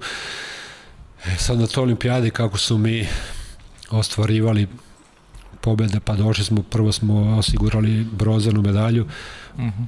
pevali smo nas 13 po tuševima tu pesmu, pa onda kad smo osigurali srebro, opet smo je pevali po tuševima, a kad smo uzeli zlato, onda smo pevali pred svima i pred ovim 10.000 ovaj, Amerikanaca i svih tih ljubitelja vaterpola na televiziji, svi su da. čuli to i kasnije smo je pevali, ali kažem, kako je nastala ta pesma, to je, da. to je tako dosta bitno. Ove, ovaj, Amerikanci su Amerikanci su se spremali za olimpijadu u, u Moskvi tak, i tu su bili onako već, tad, već za tu olimpijadu su bili dosta, dosta dobri, bili bi tu za da. medalju, nisu otišli na tu olimpijadu. I gro tog tima je ovaj, bio spreman za Los Angeles i oni su bili sigurni da oni tu osvajaju zlato, znači, mislim, ne samo oni kao vaterpolo ekipa, nego čitava ovaj, olimpijski komitet njihovi su računi na to, bili su štampani već, ne znam, ne znam posteri i ovo, ono, su mm -hmm. kalendari, šta se tu već, Amerika i taj njihov da. ovaj, Krivo marketing. Da, Barbara Stresen, ko je bio na, na, na, na finalnom meču? Oni su se pripremali kao da uzimaju zlato. Da, da sigurno. da, kažem, kažem, oni su već -hmm. unapre štampali kalendare mm -hmm. i postere i sve, to je bilo 100% olimpijada mm -hmm. njihova. Uh, ja sećam dosta dobro uh, dobro, to će malo kasnije. Ove, I sad stigli smo tamo, pri, bilo je puno naravno sve, to je jedna od redkih utakmica gde mi uvek smo na, na bazenu uh, pola sata najmanje 45 minuta ranije počinje naše zagravanje na, vodi, na, na suvom po vodi, malo se polako popunjava bazen, ali naravno tu je bilo već puno pre nego što smo mi stigli i ovaj i to je već velika neka razlika odnosno na, na što smo navikli tu je ima treme, ima tenzije u svom slučaju ovaj, kroz sve te, to naše zagrevanje, oni kao da su podelili, kao da je neko diktirao ovaj, navijanje, deo tribina EU, pa S, pa E, pa USA, USA, ono sve zveči. Nikad nismo bili pred, pred tolikim brojem navijača, tako važan meč, tako mladi. Ovaj, I eto, rezultat 5-2 je bio, oni da. su išli išli su u pravcu koji su oni zamislili ovaj, ali onda smo mi tu stisli i polako poče da okrećemo, okrećemo rezultat i sad tu ima stvari koje mislim da su i i predodređene, jer mislim da u životu ništa nije slučajno i da je bilo sigurno negde već Mm -hmm. se, se znalo ko će to da osvoji, mislim, neko je to već znao, ko je zacrtavao i to tako nekako delio. Ovaj, čudni golovi su tu padali, ne znam, i sukno je dao Wilsonu neki go koji on obično ne prima i Daniel Ušić, to me prolazila lopta kroz, kroz glavu, mm -hmm. što mi to zovemo. Bebić, čuo sam... Bebić dao peti beš taj, taj posljednji. Bebić dao taj peti go, čuo sam da se, da se to i kao komentara o nekom kontrafalu i tako. Ovaj, ali on je dao go sa desnog krila, znači sa ne ruke, da je levak neki pa mhm. -huh. sad de, iz, skoro iz, iz mrtvog ugla tamo ga izgurao ovaj igrač i on se nekako okrenuo i šutnuo je nešto što Wilsonu da mu šutneš sad sto puta da teško da mu jedan deštek da go iz, iz mrtvog ugla i to mu je opet prošlo nekako kroz, kroz glavu i tu smo mi izjednačili. Zato kažem da da je sve to nešto predodređeno i to je trebalo da bude tako. Onda se trebalo da mi samo ovaj, izguramo tih ne znam više, ne sjeća koliko minuta do kraja da održimo taj rezultat i nam, nam je odgovarao nerešen i onda počeo se odvija ono što sam ja već puno puta kroz svoje maštanja ovaj, mm -hmm. zamišljaju kako, kako ću se osjećati u tim momentima i šta ću raditi i tako je bilo taj zadnji bili smo u napadu držali smo loptu do kraja onda su oni dobili loptu, ja sam plivao nazad i pošto je već kraj i plivam i vrištim i svaki zavisla i mi kažem koliko puta sam ja to vrištanje proživeo ovaj, pre ne pre finala nego i, i ranije tako da ovaj, i ispalo tako kao što se maštali i mnogi od nas su tako vjerojatno maštali i, i ovaj, zašto smo se spremali čudo, čudo e sad kad sam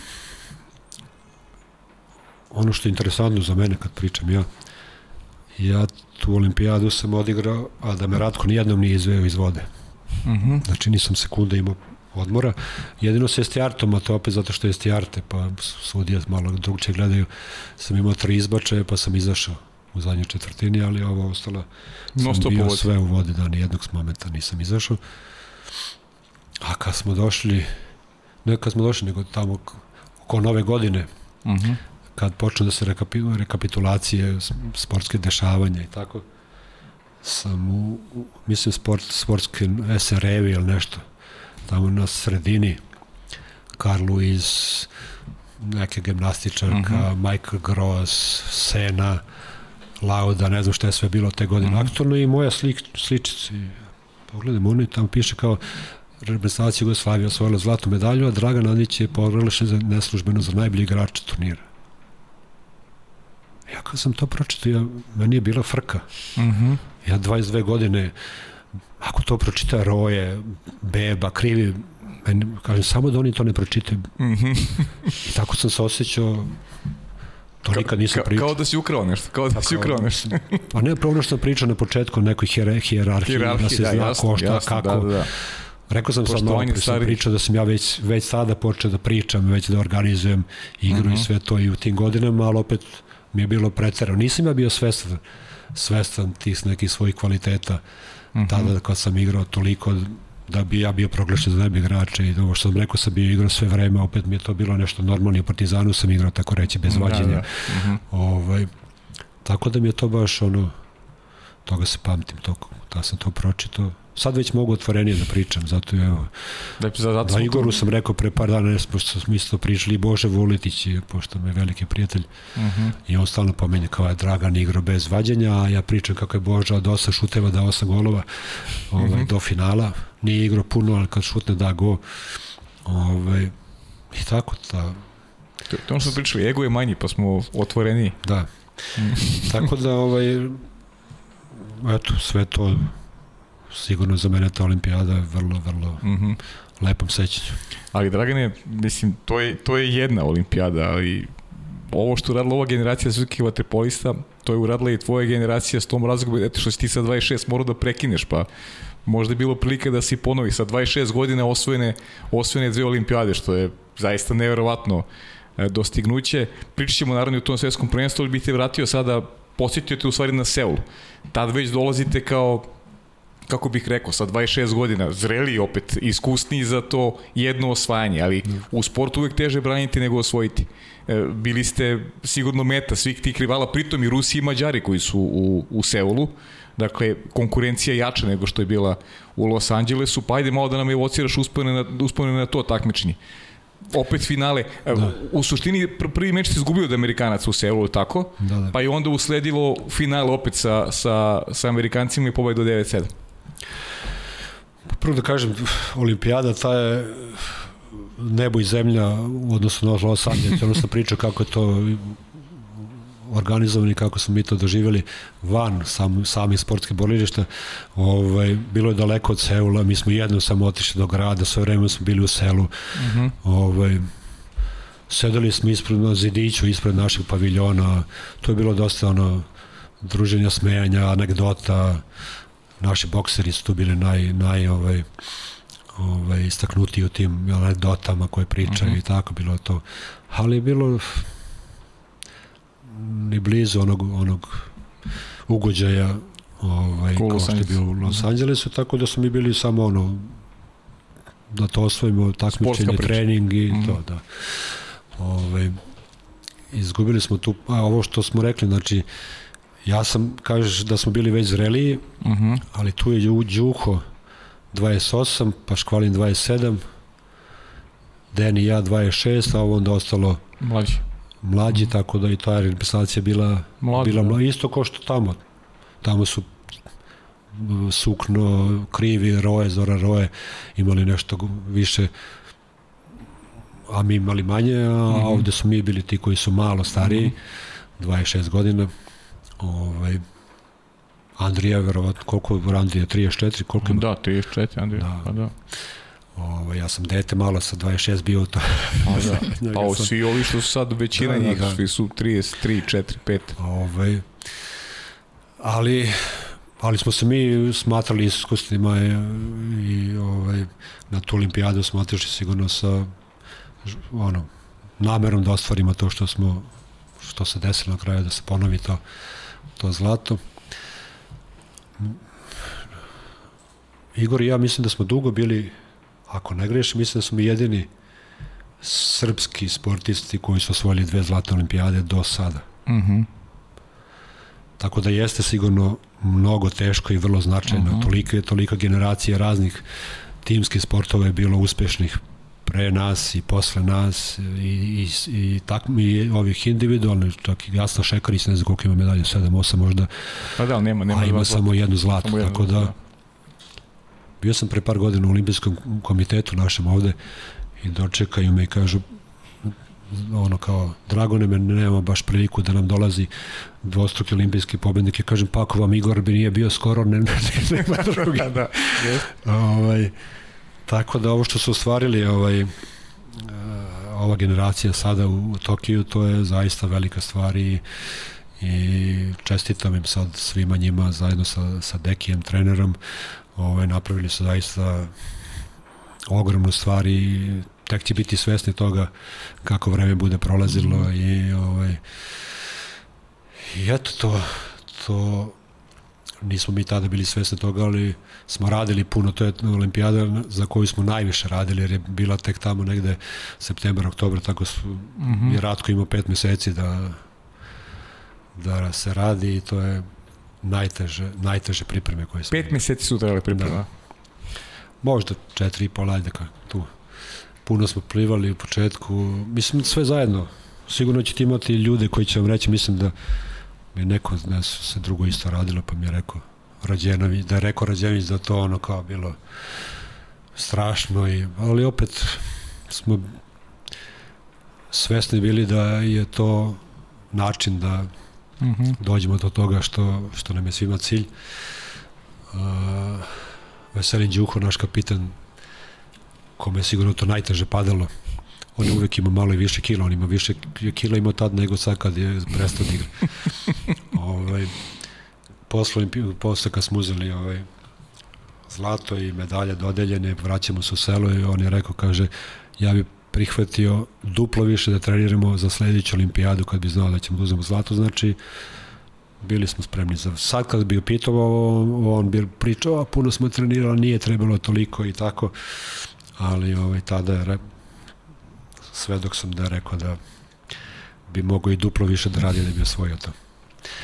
Tako da smo mi počeli tu, tu olimpijadu ovaj, porazom od od Amerike, što se pokazalo dobro, ne bi valjalo da je ostalo super, da je bilo suprotno. Mm. Da smo dobili prvo, izgubili zadnju. Ovo, izgubili smo tu utakmicu, nije nas to poremetilo ništa i onda smo išli korak po korak dalje. Ove, setio sam se toga kad su naši Tokiju izgubili prvu utakmicu od Španaca. Ove, da Paralela nije dobra. to Da. ništa strašno, da to samo može da ih ovaj, ono, natera da se malo stisnu, da porazmisle i tako. Nema tu šetnje sigurno, mora da se radi. Mora da se radi. E, a Dragane, ovaj, m, razlika eto u odnosu, eto sad ovaj period, pravimo tu paralelu, finale, to 9-7, znam da Igor imao tu neku partituru, kao što je uvek imao a, napadačku njegovu, a, ali bilo premija tada u to vreme. Ja da sam napravimo to. mali, ja mislim da smo mi dobili za olimpijadu 8000 maraka u to vreme. Mhm, Kao sad, verovatno 8000 evra ili mhm, mhm, tako nešto. mhm. A finale? Finale, a finale ko finale, što se nas tiče, Mhm. znači s- tri razlike gubimo i onda okrićemo jer smo Klasika, pa izgleda to standard bio protiv Amerikanaca, da se gubi pa razlike pa se onda pali mašina. A i protiv uh, Italijana u Madridu smo gubili isto 5-2. A do, to ćemo posjećamo u Madridu. Da, da, to znači tri finale koje smo svojili, sva tri smo, ne, ne samo da smo gubili ove tri razlike, nego smo gubili sva tri 5-2. Sva tri 5-2, da, da. interesantno. E, u Seulu, u Seulu se sećam kad je već bilo 5-2, ja sam išao nešto iza gola, da sam bi isključen, mm -hmm. ali sam izašao sa odmorim i samo sam rekao Šoletu koji je to njemu bilo prvo finale, kaže Šole, nemoj da se brineš, sad je gotova stvar, 5-2 je, to smo već dobili, tako da možeš da, se da braniš opušteno, ne treba ti nikakva tenzija, to je sve. Dobro, znači posle 5-2 serija 7-2 za, za, za olimpijsko zlato. Da, pa znaš šta, to dođe ta, to što sam pominjao malo pre. Ne može da pustiš nikoga. -huh. Mi smo toliko radili, toliko smo toga prošli teško ga kroz te pripreme da ne možemo da pustimo nikome da mislim rezultat u waterpolu tri razlike je ogroman rezultat. Yes. Ogroman rezultat i ove, nije baš uobičajeno da se to okreće, a, a mi smo to uradili tri puta i zato nije slučajno što pominjao ta testiranja, ta psihotestove, uh mhm. -huh. ovo, onoga, i Ratkova selekcija i sve to. Mi smo znali to da iznesemo i da nas to ne, ne poljulja i da nastavimo da radimo, da, da nastavimo da radimo, nego da, da radimo ono što, što znamo bolje, znači najbolje što možemo, ovaj, jer smo tu već ono stavljeni pred zid, tu nema više mm. vremena nego tri razlike ovaj, ne možemo da idemo na 6 na 6-3 malo jer vreme već teče. teče, da. Moramo na 5-2. Tu, 5-2, tu, pos, posljednji moment. posljednji moment i tu mi kažemo dobro, to je to, sad više ne može. To je mhm. naše i ne damo nikom. E šta ti draže, e, Los Angeles ili Seoul? Los Angeles, da? Pa dobro, Los Angeles se draže u smislu prvi. ovoga... Mhm. Da, i ambijenta da, celog i... Da, što se tiče kao ugođaja. Ovaj, a ta potvrda to je nešto što, sad, nema, sad sam pričao koliko tu težinu ima, to, tu smo već izre, zreli, bar ja, verovatno je Antu da pitate ovaj, kako je, no ne Antu, izvinjam se, Antu je trebao da ide, ali nije. Uh mhm. -huh. ovaj, Vasović da pitate ovoga Gočanina Rađenovića ovaj, ovaj mlađi kako kakav je njima bio taj da. ugođaj ali mi stariji smo već tu nisam ja tu više toliko ni zamišljao to finale, niti vrištao u, u mašti i snovima, nego je to bilo, ne mogu da kažem rutinski, ali pet meseci znamo šta prolazimo i da to je Mislim, ono, ono je prvo, pa, znaš, nisi ti baš ni to toliko očekivao, nisi bio tu među favoritima, a ovde smo bili i među favoritima, već imamo da, i da. svetsko i ovo i ono i to je, tu, tu smo svesni kvaliteta našeg. Mhm. Uh -huh. Tu smo svesni kvaliteta i znamo da, da ako mi odradimo ono zašto smo spremali i, i, i zašto smo ovaj, sposobni da ja mislim da isto koji je ovo naša reprezentacija u Tokiju kad me pitaju ovaj, pred olimpijadu ili ono kako je išao takmič pred finale ili nešto kad Ako se oni stisnu, nema šta tu da pričamo o tome ko će može da osvoji po individualnom kvalitetu, su oni sigurno najbolji od svih, sa što su ovi mlađi, što su poledni, ne znam, španci koji su delovali, ovaj, grci koji su ovaj, možda neočekivano toliko dobro prošli, ovaj, ipak je samo do naših igrača da li će da osvoje to ili neće da osvoje. Znači, mm -hmm. njihova odluka da se stisnu, to je jasna stvar. Mm -hmm. E, evo, pomenuli smo taj Madrid 86. Upamćen definitivno po golu Igora Milanovića. Kako vi pamtite taj turnir? Pa turnir pred, pred nedelju dana pred zadnji, zadnji turnir pred odlazak u Madrid na zadnju utakmice slomio prst Vesel, ovaj, Milivoj Bebić, uh mhm. -huh. naš najbolji napadač i mi smo trebali da imamo na svetsko prvenstvo od jedan put bez, bez Bebe. E, sigurno da su malo ono bilo nekih ovaj, razmišljenja kako sa šta i to treba se malo ovaj, drugčije sve to postaviti i otišli smo tamo, sve je išlo ovaj, kako treba. Tu ima sad jedna vrlo bitan moment za to, za to svetsko prvenstvo. Mi smo igrali u grupi zadnju utakmicu sa sa Italijanima. Uh -huh. I tu je bilo ko pobedi igra sa sa Rusima polufinale. Znači niko neće da pobedi. Nama je bilo teško da igramo sa Rusima. Ovaj, na evropskim prvenstvima su oni osvajali zlato, iako nas nisu dobijali, nego su bile oba dva ovaj, utakmice i u Sofiji i u, i u Francuskoj su bili nerešene utakmice, ali su oni zbog bolje go razlike osvajali. Ali na, priprem, na ovim turnirima pripreme su obično oni dobijali. I naravno da ako možeš da biraš, ne bi birao Rusija nikako u polufinalu. Ovaj, e, mi smo tu imali veliku prednost da nam odgovara i ne, i ne rešen. znači, ako italijani daju go, mi možemo da damo go, ako oni ne igraju, ne daju. To je bilo razmišljanje, verovatno, logično neko. Sad nas je Ratko zvao na sastanak veče pre utemice, znači posle ove utemice što smo igrali ovaj, predzanje, što nije običajno, normalno pred utemice da ima sastanak, on je okupio i rekao je da mi sutra idemo na pobedu, ovaj, ako hoće da budeš svetski prvak, moraš sve da pobediš. Mi smo se gledali što priča, o čemu se radi, razumeš, onda smo otišli ovaj, vani, izašli da popijemo po pivo i pričali, ništa nam ne bilo, mi se zaista smo, nismo tako mi razmišljali. Izašli smo utro, dobili smo lagano Italijane, nisu se Italijani naravno kao što se očekivalo, ali smo tako isto lagano dobili Ruse. Uh -huh. 8-6, baš lagano. I onda dolazi opet finale, opet sa tim Italijanima i i ta utakmica koja i ona Aliman najduža utakmica. najduža utakmica kao da smo igrali dve utakmice, tako je. Da. Završili smo iza ponoći, pa su promenjene pravila da ne bi se tako nešto moglo desiti. Osam produžetaka. Ove što se mene tiče nespecifično, ja sam tu napravio tri lične greške, mada su dve bile u napadu. Malo isfolirani od Italijani, malo isfolirali, sudije malo ovaj, pretarano i mene su dva puta u napadu, u povratku ovaj, izbacili, tako sam ja prvi izašao sa tri lične. Posle je, još četvorica izašlo, kako je to išla utakmica i da Igor nije tao, dao taj gol, onda bi morao Andrija Popović, rezervni golman, da uđe da igra. Mm. To zadnje, taj period, produžetak dva, ne seća se više, su bila tri centra u vodi i Igor i Paškvalin i Zoran, Zoran Petrović, tako da su igrali pozicije koje nikad nisu igrali kako igrati s ti tri, tri centra, ali eto, Igor je dao taj, taj zadnji go ovaj, i završio tu agoniju.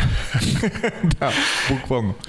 Tako da smo ostali u istoriji Guinnessove knjizi rekorda i pored one utakmice što smo dobili 62-0 Guatemala na univerzijadu da. koja je... Ovaj... To je Milivoj Bebić nešto dao, koliko beše nešto. Ja mislim da je, to je 28 gola. Da, da. Beba. Uh mhm. -huh. Ovaj, treba nam je, treba nam je visok rezultat, pa smo onda stisli. Zapili. Kažem, taj Madrid, svi, svi kad se pomenja Vatrepol i ta generacija, svi znaju taj Madrid, je to Milanović, Milanović i ovaj, to posle ponoći završetak utakmice i tako. Ja, znaš šta bi Dragan, interesantno, recimo ta, ta, ta dogma te, tog jugoslovenskog vaterpola vezano za eto, tu Ratkovu reakciju, neću da biram protivnika, igri, igram do kraja, hoću pobedim sve. Ja mislim da je nekako, da je, da je ostala prepoznatljiva za srpski vaterpolo nakon raspada stara drž, stare države, da nekako kao da su svi drugi više kalkulisali da, da, da neko srpska reprezentacija nema tu vrstu kalkulacije da nikad ne bira protivnika da igra do kraja. To se pokazalo u Tokiju isto takođe kada je protiv Crne Gore taj meč peto kola odigrao onako, što se kaže, muški do kraja, neću da razmišljam ko će biti rival, nego gledam samo sebe i idem do kraja. E, ne znam da li se slažeš, da li si, da li si, da li si prepoznao taj trend koji recimo u sudskom vaterpolu važi, mislim da je upravo prepisan iz, eto, iz, iz tog nekog perioda i tvoje igračke karijere. Pa dobro, ne mogu nikako da idem toliko daleko da, da zaključujem nešto mhm. -huh. tog tipa, da li su ostali nešto spremni za kalkulaciju, toga su, ne sećam se nekih situacija, da. primjera sa takmičenja da bi mogo to, ono što sigurno je da je čitav, čitava ta škola naša uh -huh. koje je Bata Orlić, ovaj, da kažem, uspostavio u jugoslavijskom vaterpolu, sigurno bila ovaj bitna taj model i za, i za hrvatski vaterpolo, uh mhm. -huh. Ali ipak je uspostavljeno u Beogradu, u Partizanu i najviše najviše se ovde osjeća taj rezultat toga što, mhm. -huh. što tako da a, da kažem iz jednog kluba su potekli toliki igrači da nisu ni iz jednog drugog kluba. Imamo mi Jug Dubrovački sigurno koji je ovaj ono mali grad pa puno, puno dece ide na vaterpolo selekcije, velika Kotor, ima tu primjera kako se iz malih sredina prave, prave veliki igrači, ovaj, ali imaju oni svoje specifičnosti, ovaj sigurno Dalmacija i njihov mentalitet je drugčiji nego mm -hmm. nego naš i tako zato kažem ono što je ono uspostavio ovde u Partizanu, to je ono što daje rezultat ovaj što je najvažniji pečat i to što se i daje toliko dugo trajemo, mi ovde imamo bolje rezultate ovaj nego ostale republike pre, ovaj, bivše zemlje. Ovaj tako da je evo sad vidim da su i svetski prvaci, juniori, ovaj, da, kadeti, kategorije, kadeti, da. tako da ovaj, deluje da to nastavlja se tim putem. Da. E, pričali smo o tom Evropska prvenstva Sofija, rekli smo to srebrna medalja, taj remi sa Rusima i ta, taj specifični Igor je isto pričao da su neko ti Sovjeti u to vreme bili onako možda i i, i, i najveći rival, pa eto, ako hoćeš možda zaključimo tu, tu tvoju repestivnu misiju sa možda podsjećanjem na Sofiju ukoliko ošte želi da se osvrnemo na to jer ipak mislim da smo se dotakli ove tri najvažnije teme i tri zaista trofeja koje su obeležili tebe i tvoju generaciju, opet kažem, obeležili kroz veličanstvene uspehe kada se zna da ste sa, eto, igrali u reprezentaciji do 26. 28. godine, posle toga ste odlazili uh, da gradite svoje klubske karijere i više niste imali prilike da igrate reprezentaciju. Da. Pa ne bi mogao nikako bolje da izaberem nego da mi osvajamo svake druge godine zlato. Da. Ovaj, tako da smo osvojili dve olimpijade i, i, i svetsko, a evropsko nismo, tako da... Da, ne, to je što ti nedostaje u stvari, da. Ne bi menjao nikako ove, ove druge ove, tri ni jednu za, za neku od, mm -hmm. od evropskih. Ove, Rusi su sigurno bili najveći, nama najveći rival, ali opet ako gledamo da smo igrali sa Amerikancima dva, dva finala, da. gubili oba dva, igrali produžetka, sigurno da su oni imali fantastičnu reprezentaciju, Nemci su bili vrlo jaki, ove, Italijani, Španci su tu bili za, za stepenicu ispod Mađari, ove, Kuba je imala fantastičnu ekipu, bilo je tu, Rumuni su bili dobri, Ove, sad, evropsko prvenstvo je malo specifično, pa se igra, igra liga, sistem se tada igralo, mm -hmm. znači bilo je osam ekipa, igrao je svako, svako sa svakim, znači nije mm -hmm. bilo ovih polufinala, finala, možda i to nešto što mi, znaš, onog, dođemo mi do finala, polufinala, tu nema više da pustimo nikoga, a ovde možda se desi neka neka greška u prvoj utakmici smo mi izgubili od Mađara na primjer u Sofiji i onda posle to vučeš ceo, ceo turnir pa da. sa Rusima odigraš nerešeno ne pobedete a ne uzmeš mm. medalju tako da kajem ne bi to menjao a opet mislim da da olimpijadu osvojiti to je zaista velika stvar u smislu da svi prave neke planove mm -hmm. olimpijske cikluse I onda se tu, svi se tu stukupe, to je ono Just. baš ono koncentracija maksimalna i to kad osvojiš onda se vidi jesi li ili nisi, koliko, koliko si ti ekipa prava. Mhm. -huh. Jer ovde treba ne da je možda se prođe, da budeš evropski prvak ili svetski prvak, jer nešto se možda mhm. -huh. ne potref, na, da se ne poklope, da si ovaj, ali olimpijada mislim da naučili smo od toga da se ne osvaja lako. Da se ne osvaja lako od, od uh, Seula.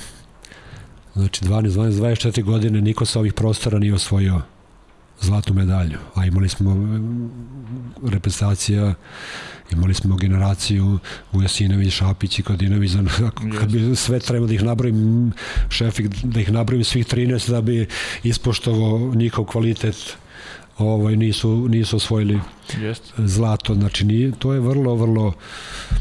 Ovaj, I onda mora se vratiti jedan Ratko Rudić u London, Jeste, da, da pokaže kroz- još da. jednom kako se to radi i Jeste. da, i da uzme medalju, da se prošeta u Londonu. Jeste, da. On se Baš prošeta su, u jeste, Londonu. jeste, suvereno, da. Suvereno je tako. Ove, a, tako da je to zaista, znači nešto se tu desi, mi te evropska, da su igrana po sistemu polufin, možda bi mi osvojili neko, neko Mhm. od njih. Ovaj, ali opet kažem, ne bi menio to, mi smo, Ma da, ovo je vrh piramide. mi smo se dela. stisli kad je bilo najbitnije i, i to je ostalo, evo sad pričamo o tome. I, da. Saro, ćemo da pređemo na trenersku karijeru. ajde. trenersku karijeru. Ajde. Započinjete trenersku karijeru u Kataloniji, tada trenirate e, dojučerašnje saigrača Igora Milanovića. Kako, kakav je osjećaj trenirati nekog sa kim ste u tom možda samo par meseci ranije igrali zajedno? Pa i Gočini, I koji takođe. Gočanin i Igor su bili tu, da. Da. I svi ovi s kojima sam ja igrao prethodne da. dve godine, pokojni, fantastični, uh, uh, Jesus Roljan, Roljan, da.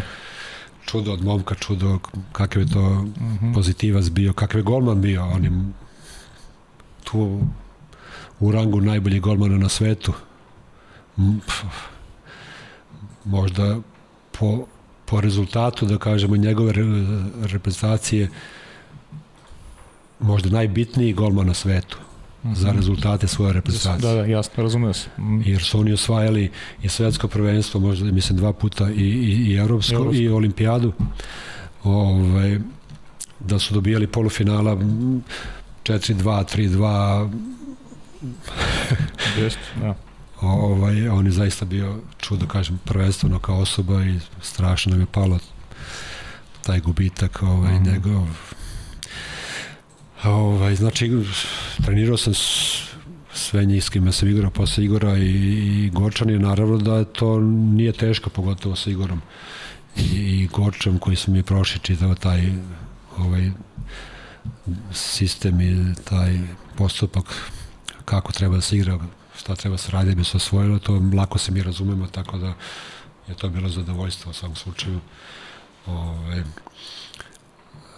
mi smo prethodne godine igrali sa Ujpeštom isto finale i izgubili smo, a tu drugu godinu ponovo se igralo sa istom ekipom. U Barceloni smo dobili samo samo jedan razlike i onda smo išli na revanš tamo tamo se ponovo ima drugi put situaciju da je bazen pun uh -huh. pre nego što smo mi došli pevaju Mađari, Mađarima to vaterpolo ipak ono Broj jedan. sport broj 1 i to je bila atmosfera neviđena i meni su ono u jednom momentu ono suze na oči krenulo od, od uh -huh. ove, emocije i tenzicije ove, i ne moram da vam pričam da je opet bilo 5-2 za njih ove, Nikako.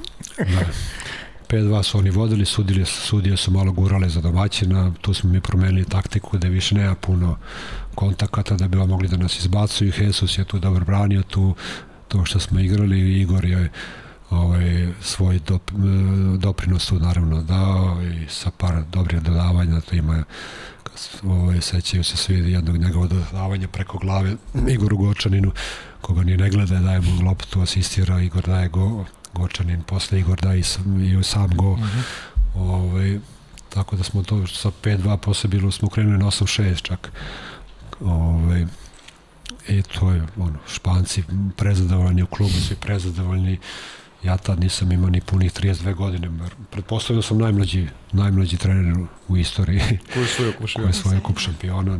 Ovaj, nije to ni bitno, tam, ni ne znam, ali pretpostavljam Ove, ovaj, I tako bilo je zaista fantastično iskustvo i ono što već pomenuo prijatelji veliki sa tim špancima i tako. Mm.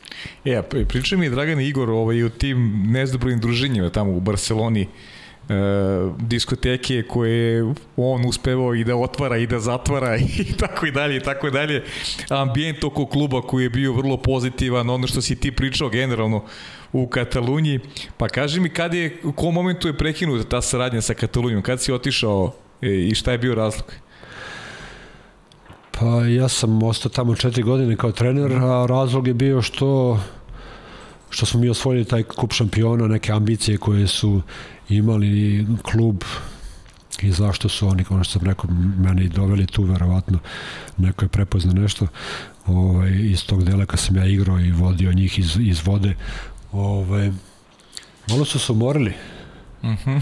Igrači su se malo umorili jer biti svakodnevno u toj nekoj našem tom sistemu koji sam ja precrtao tamo Nije lako. Nije lako, tako da ovaj, ovaj moj veliki drug Đordi pa ja koji je bio kapiten, on je postao trener.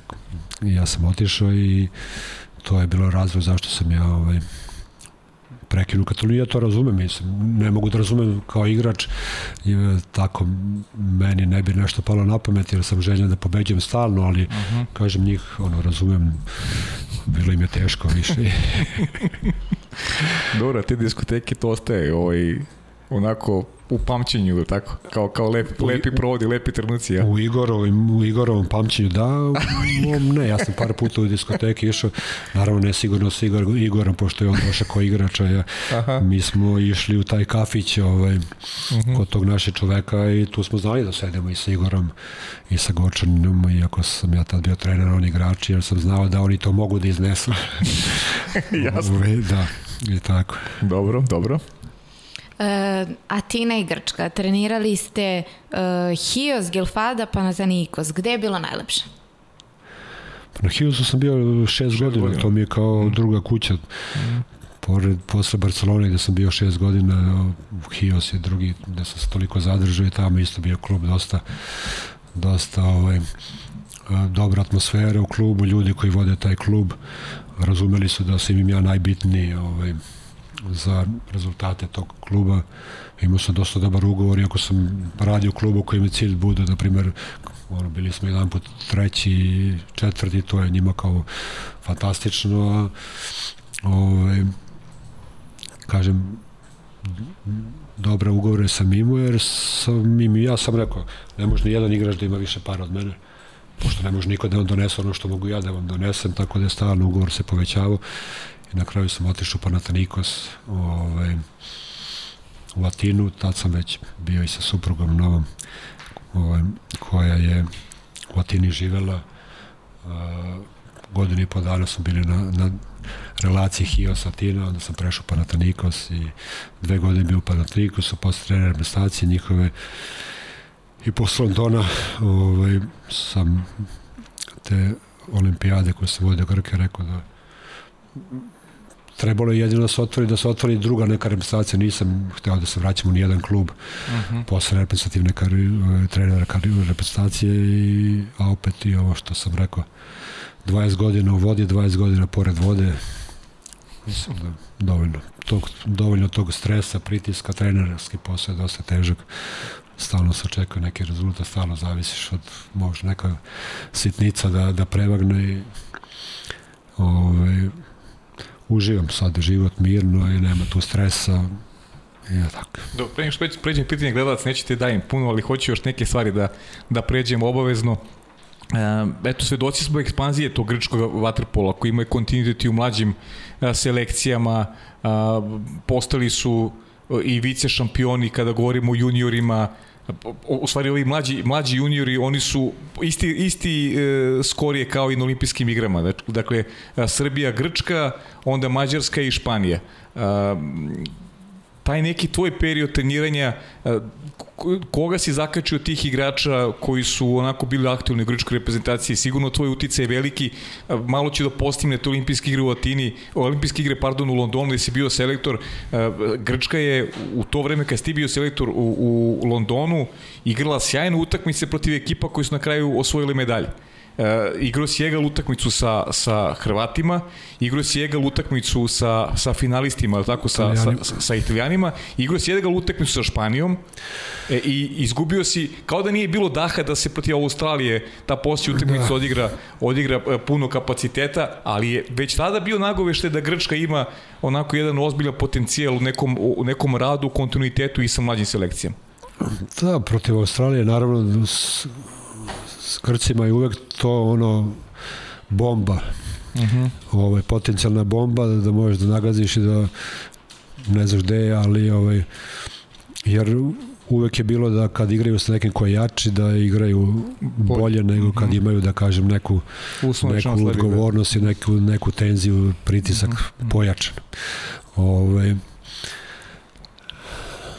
ja sam tu pozvao nekoliko starijih igrača koje su iz nekog sukoba u Savezu sklonili ovaj, i onda sam pravio neku kombinaciju sa mlađima u smislu da ti mlađi osete e, šta znači reprezentacija jer su oni 2010. u Zagrebu ovaj, bili su sa vrlo podmlađenom ekipom, neki momci su samo ušli ono, no izvolite, ono, otvori vrata, uđeš, ovaj, jer se te starije sklonili i bio mi je cilj da oni nisu bili na dva svetska prvenstva jer se nisu kvalifikovali uh mhm. -huh. i moja priča se mnogo bazirala na tome da smo mi ovde radimo da se ne bi desilo da još neko veliko takmičenje gledamo pre televizor, sa televizora jer je glupo da treniraš po 5 sati dnevno ovaj, kroz klubove i reprezentaciju i da posle gledaš na televiziji veliko takmičenje. Mm -hmm.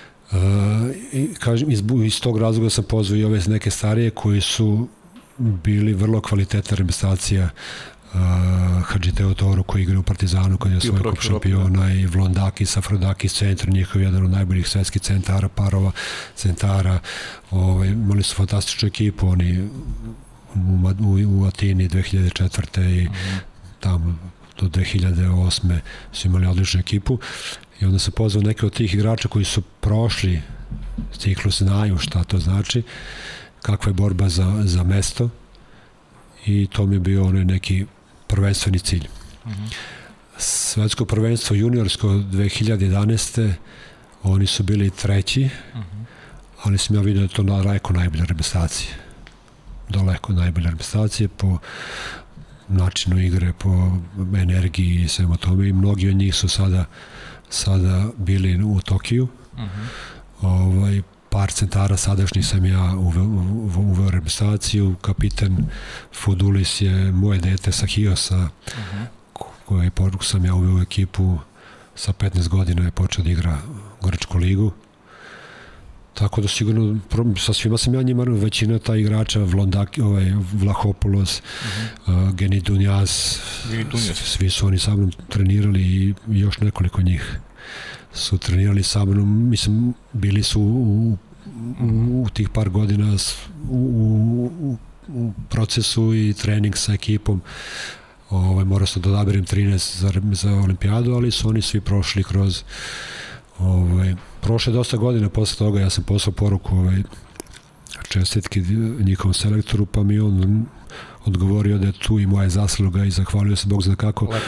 Nisam očekivao, ja takav odgovor njegov, ovaj, ali sad kad pitaš pa malo analiziramo, onda Da, on deluje koji je jako bilo, pristojan čovjek. Da, da, da, dobri smo bili prijatelji, mada se nismo slušali dugo godina, jer ja sam malo, malo ovaj, ne idem na utakmice, mm -hmm. nego samo čujem, ako gledam nešto na televiziji, ali ovaj, sigurno da mu je bilo drago kada dobije poruku od mene i ovaj, sigurno ćemo se u nekom kratkom periodu će ga pozvati da odemo da malo iskomentarišemo to, ja sam mu rekao da ovaj, treba da uživa u momentu i pamtit će to ceo život vrlo značajnu stvar su ostvarili. Oni nikada nisu osvojili medalju na olimpijadi tako da je to za njih istorijski uspeh. Ja sam rekao kad su me ljudi zvali posle tog finala kao svi su sret, presretni ovi naši što su uzeli nešto što, što su morali da daju sve od sebe 100% da pokušaju da osvoje drugu olimpijadu i da,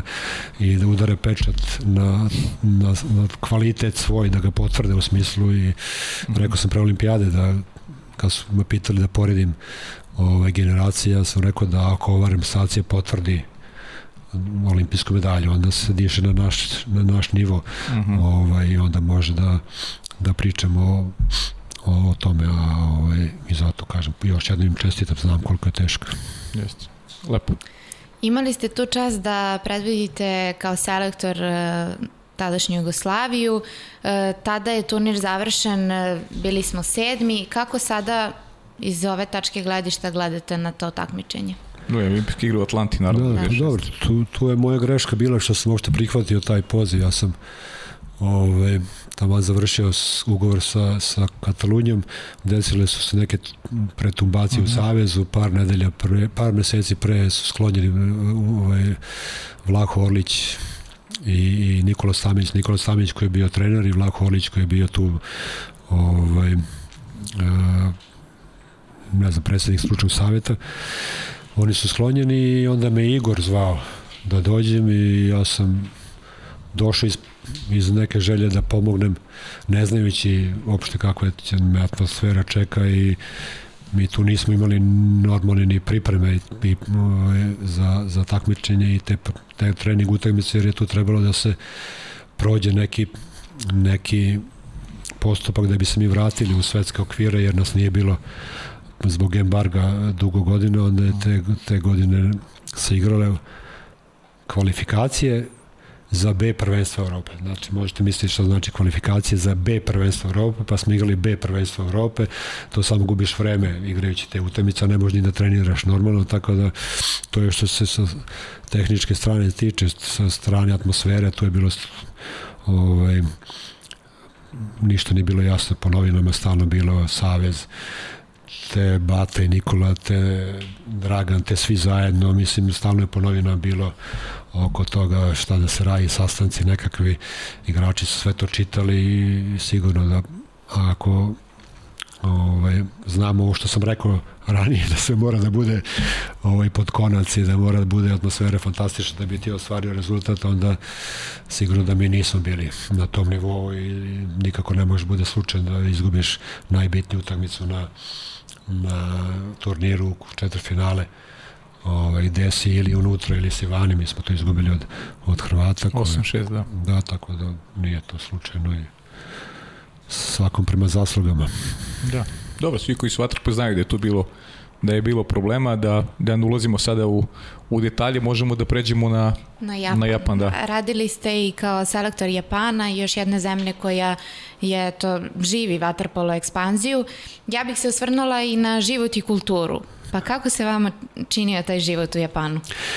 Ja nisam živeo ono duže u Japanu, nego samo pred e, neki veliko takmičenje, onda sam i odlazio tamo, po tri meseca smo mi, na primjer, radili, dva i po, bio bi možda dve nedelje u, u Japanu, radili bi mi bazične pripreme, onda smo išli u Australiju, u Evropu, 5-6 nedelja, ja sam ih vodio ovaj, po raznim zemljama, trenirali smo i sa reprezentacijama i sa klubovima, ipak taj nivo njihov nije bio toliko visok, pomogli smo i sa klubovima da igramo.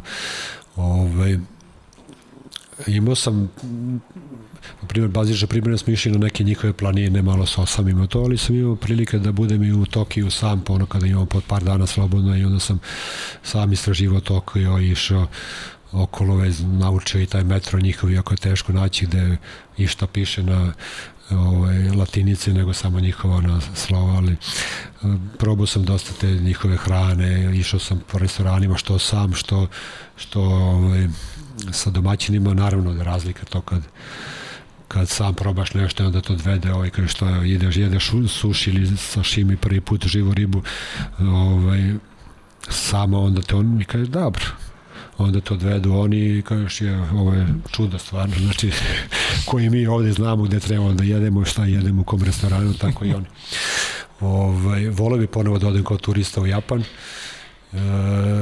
specifično su naravno vrlo i ali može da se radi sa njima dobro i nema tu šta god im se kaže, oni to sprovode i malo je nezgodno bilo meni. Ja sam ovaj vodio treninge na španskom, bilo tu nekoliko njih koji su bili u Španiji i onda su oni prevodili, tako da ovaj, ali vrlo pozitivno iskustvo za mene. Vrlo znači, drago da japanski da niste naučili. Ne, ne. Pa ne mogu ni grčki baš da naučim, s obzirom da nemam baš nemam prakse tu. Ono sam igrao, igrao sam pa tu sa igračima pričam što da, da. kao trener već ne možeš. Ja sam sve vreme dok sam bio u Vatrepu u Grčkoj nikada ništa osim samo engleskog. Uh -huh.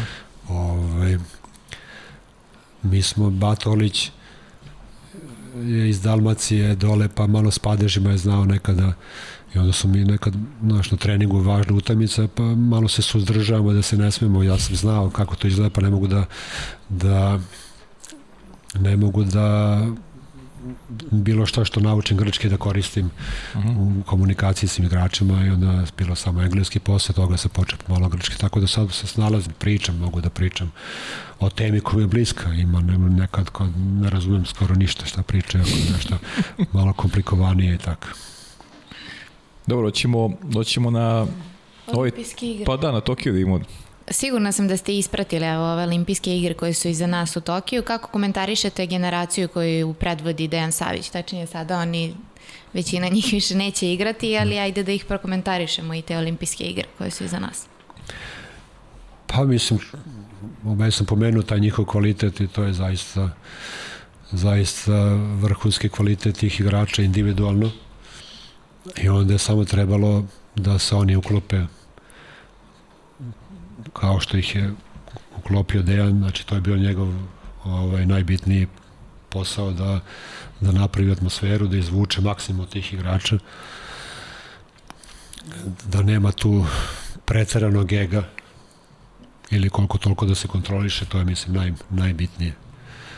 Ovaj, možda je to razlog zašto ona prethodna generacija nije nije osvojila ovaj, olimpijsku medalju.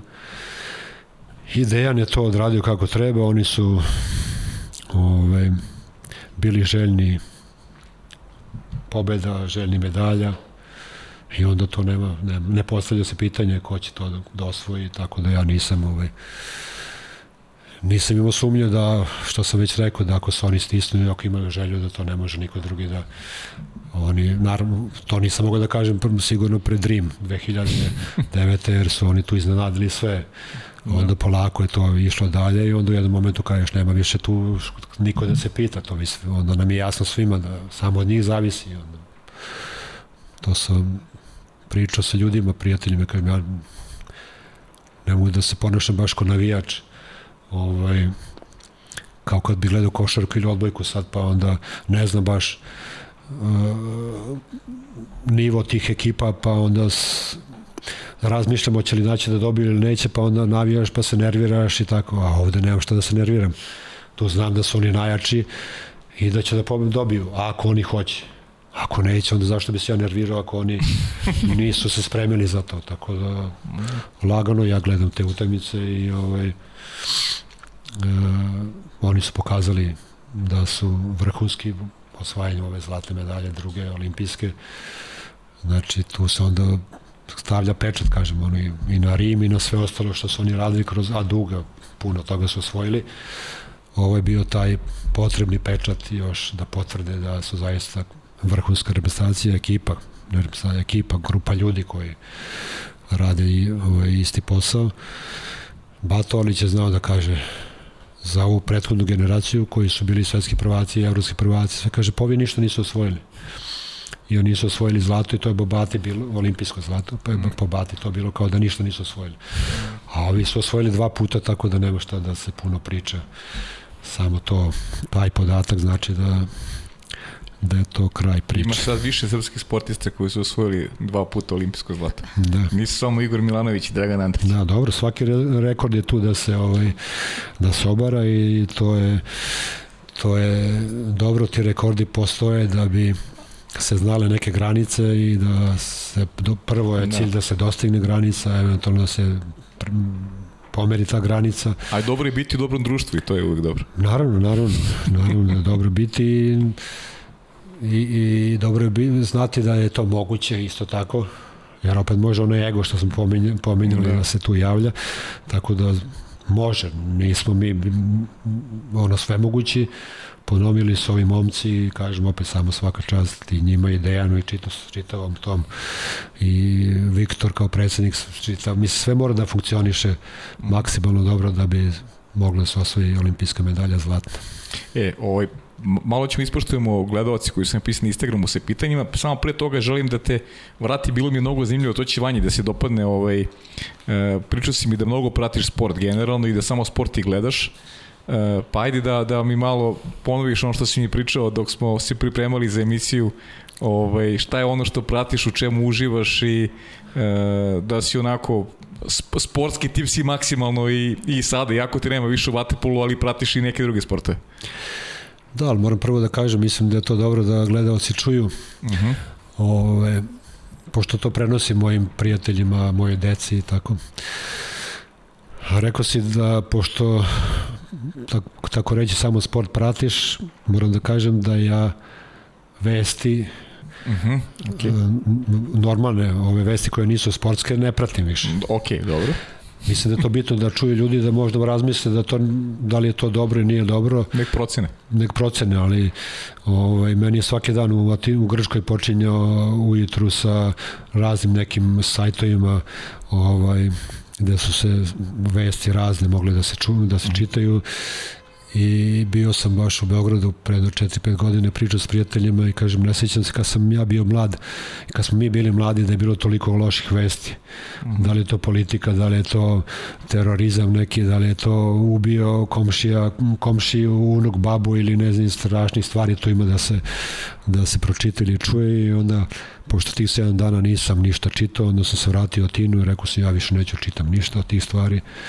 Ne mogu da utičem na to to može samo da mi remeti neki, neki mir, mir i ova, ova planeta i ovaj život je fantastičan, toliko toga lepog ima da nema razloga da se ja ovaj, bavim nečim što nema veze, ne, ne mogu da utičem na to.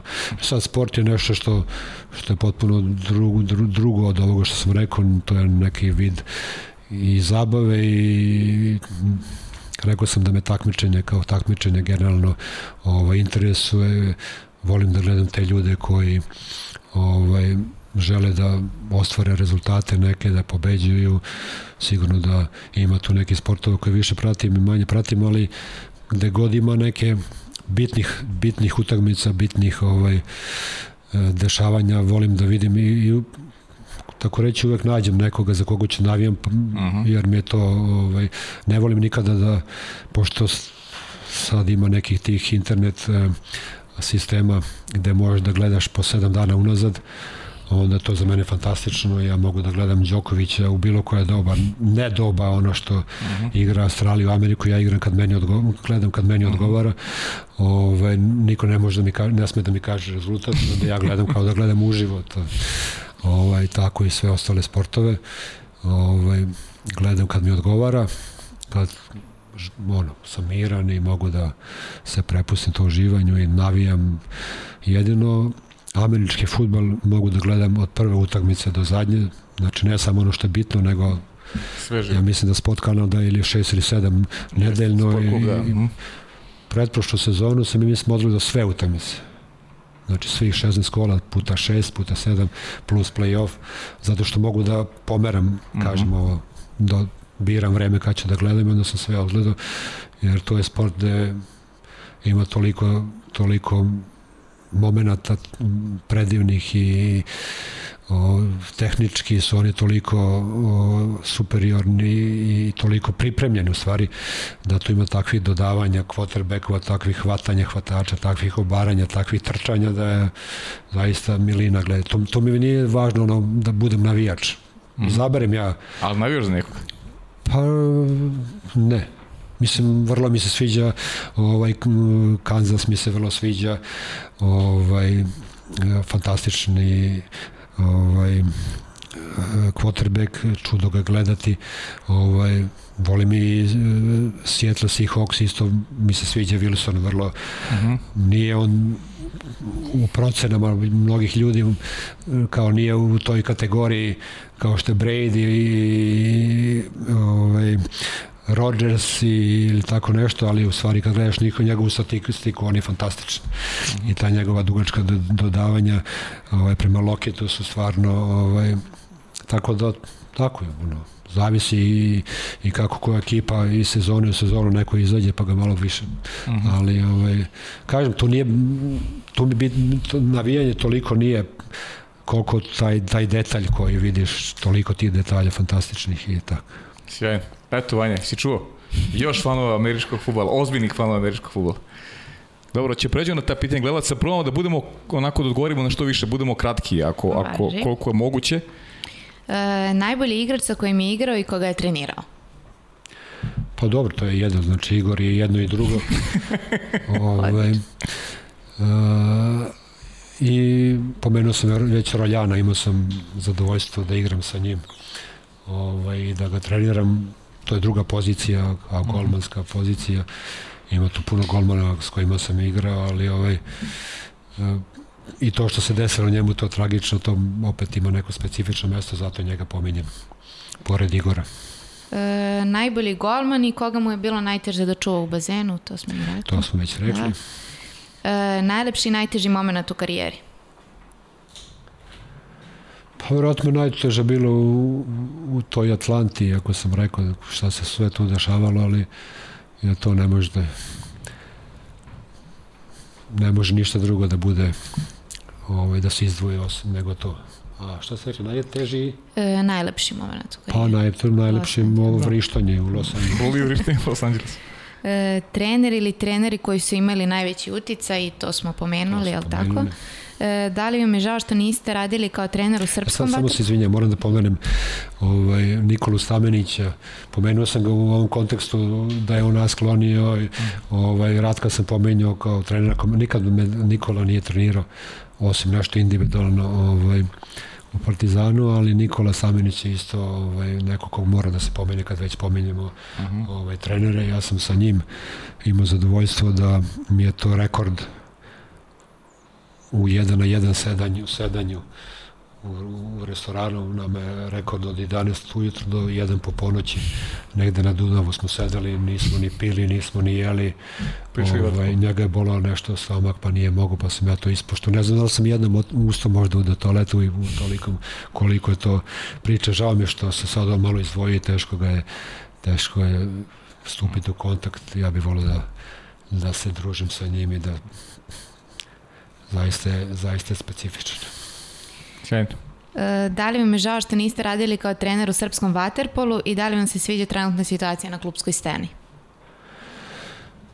Pa dobro, žao, nije žao, ovaj, sigurno da bi bilo zadovoljstvo voditi ovaj, neku od ovih ovaj, generacija koje su koje smo pominjali sada i, i Vuja Sinovićevu, Šapićevu i ovu sada to je za svako trenera ovaj, zadovoljstvo, čak više nego izazov, jer nema tu puno izazova, ovaj, osim ovo što sam rekao da ih se skocka kako treba.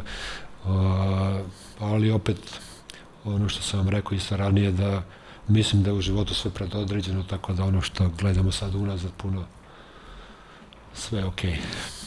E, Aleksandar Pantić, ovaj trazu pitanje, on je momak koji trenira u Partizanu, isto otišao u Ameriku, sad ne znam tačno koja je generacija, Kaže, pošto je dugo radio u grčkom vaterpolu, kako je moguće da Grci nisu imali niti jednog levorukog igrača u posljednjih 20 godina?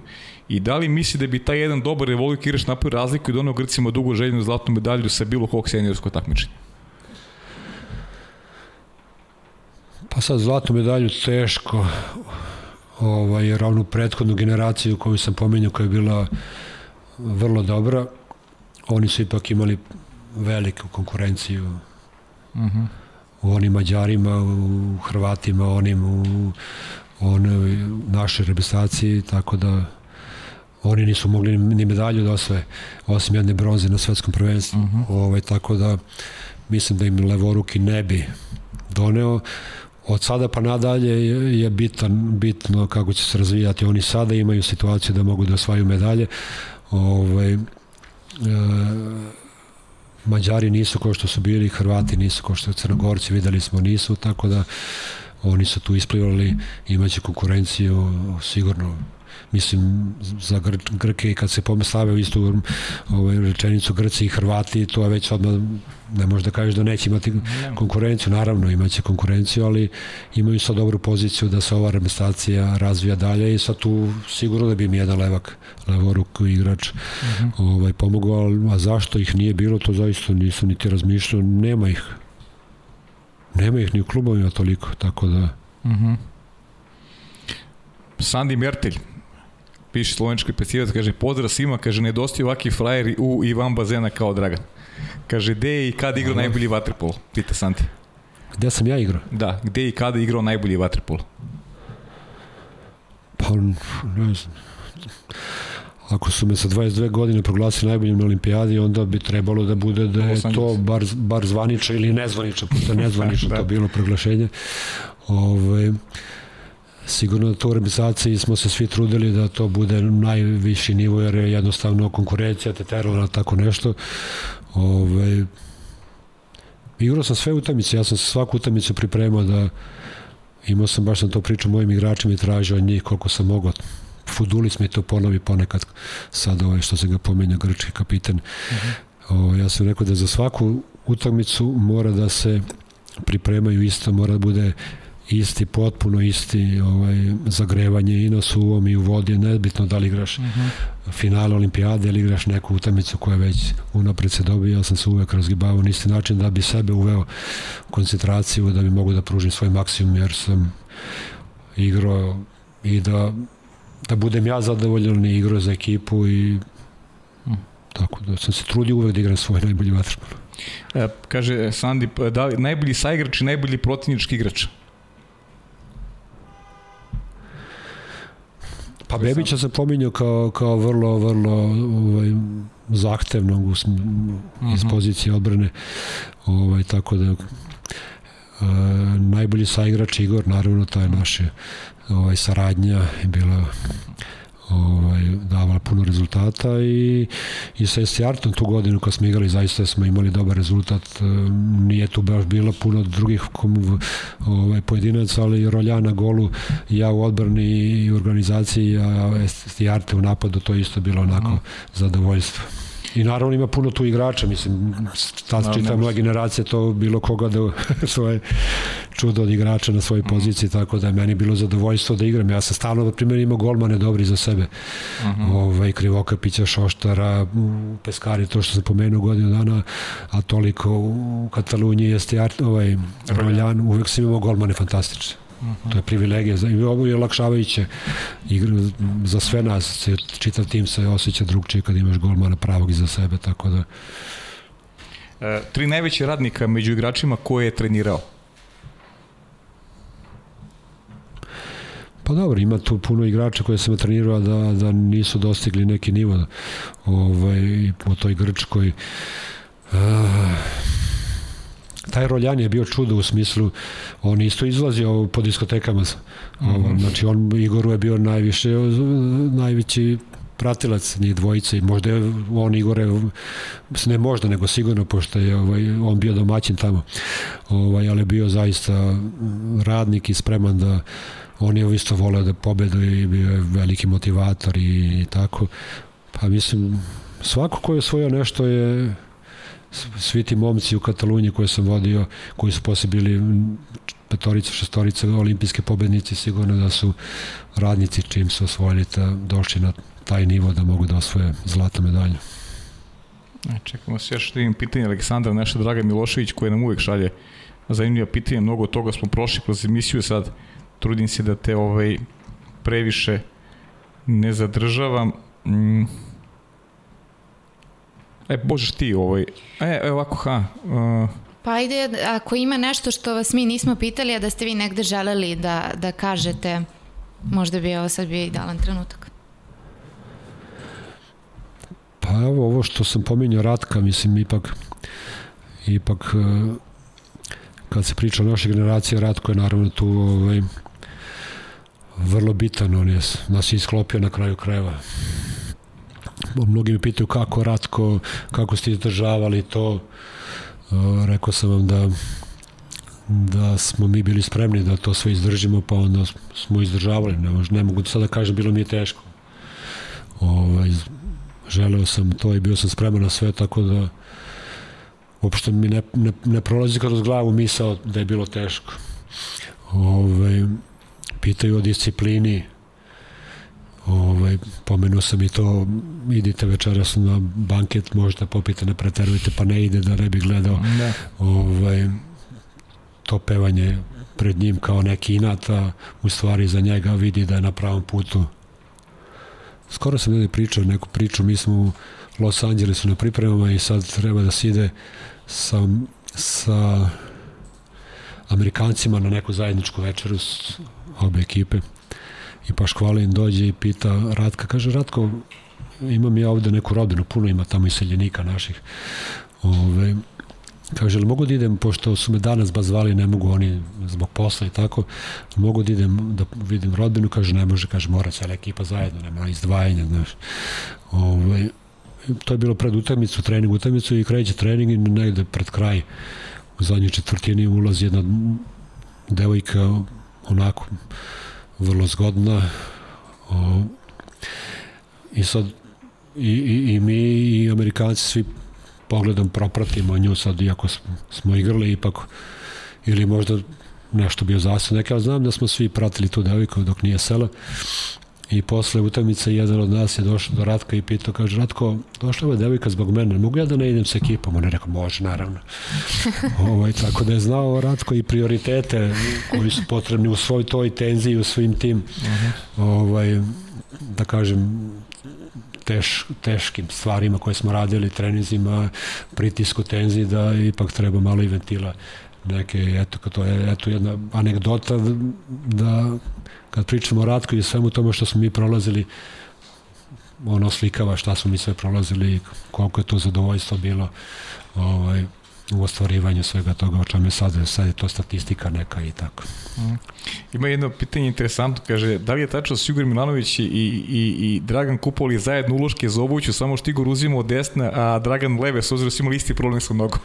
Jeste, jeste. I, ili ako ja sad kupim nešto u Grčkoj, onda sačuvam tu, to desni uložak pa donesem Igoru i, i tako. Sjajno ste vi sarađivali u svakom pogledu. Da, da, da. I ajde još jedno pitanje, ajde kažem, evo sve se trudim da, da budem kratak, kaže šta je preporučiš mladim igračima kada krenu u profesionalni vaterpolo? Pa sam mladi igrač, pa nek sasluša ovo što sam rekao i to...